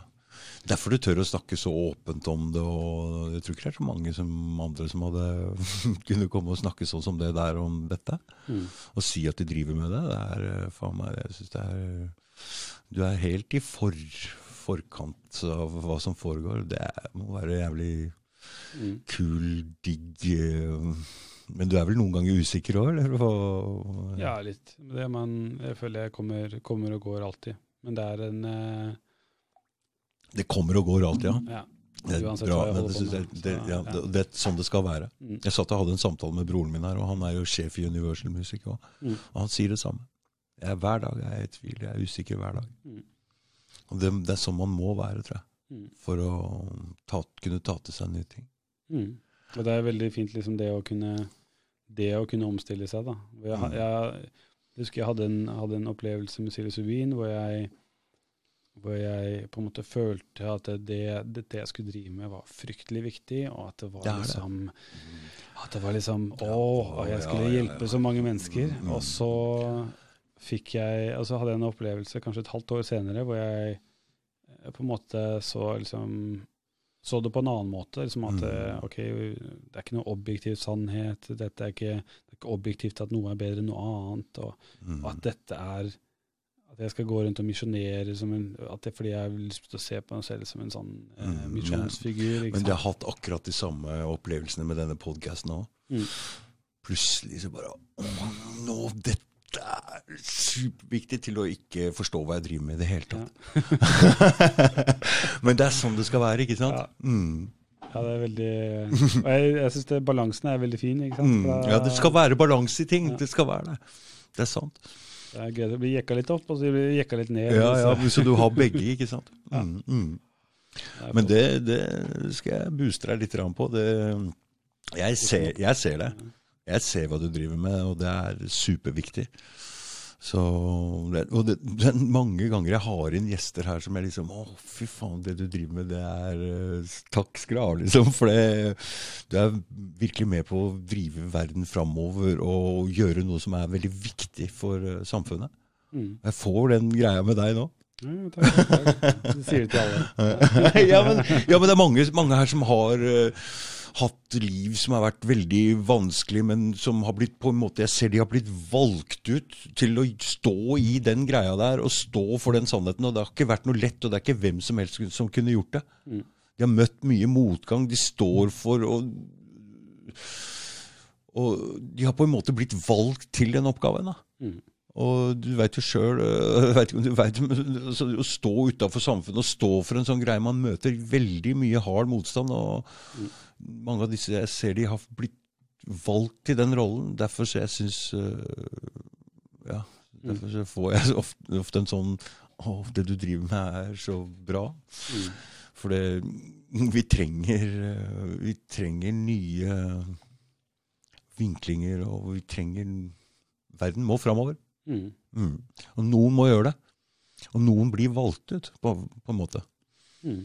Og du har blitt valgt ut her nå, Oskar. jeg er ikke tvil om det. Nei, nei. Mm.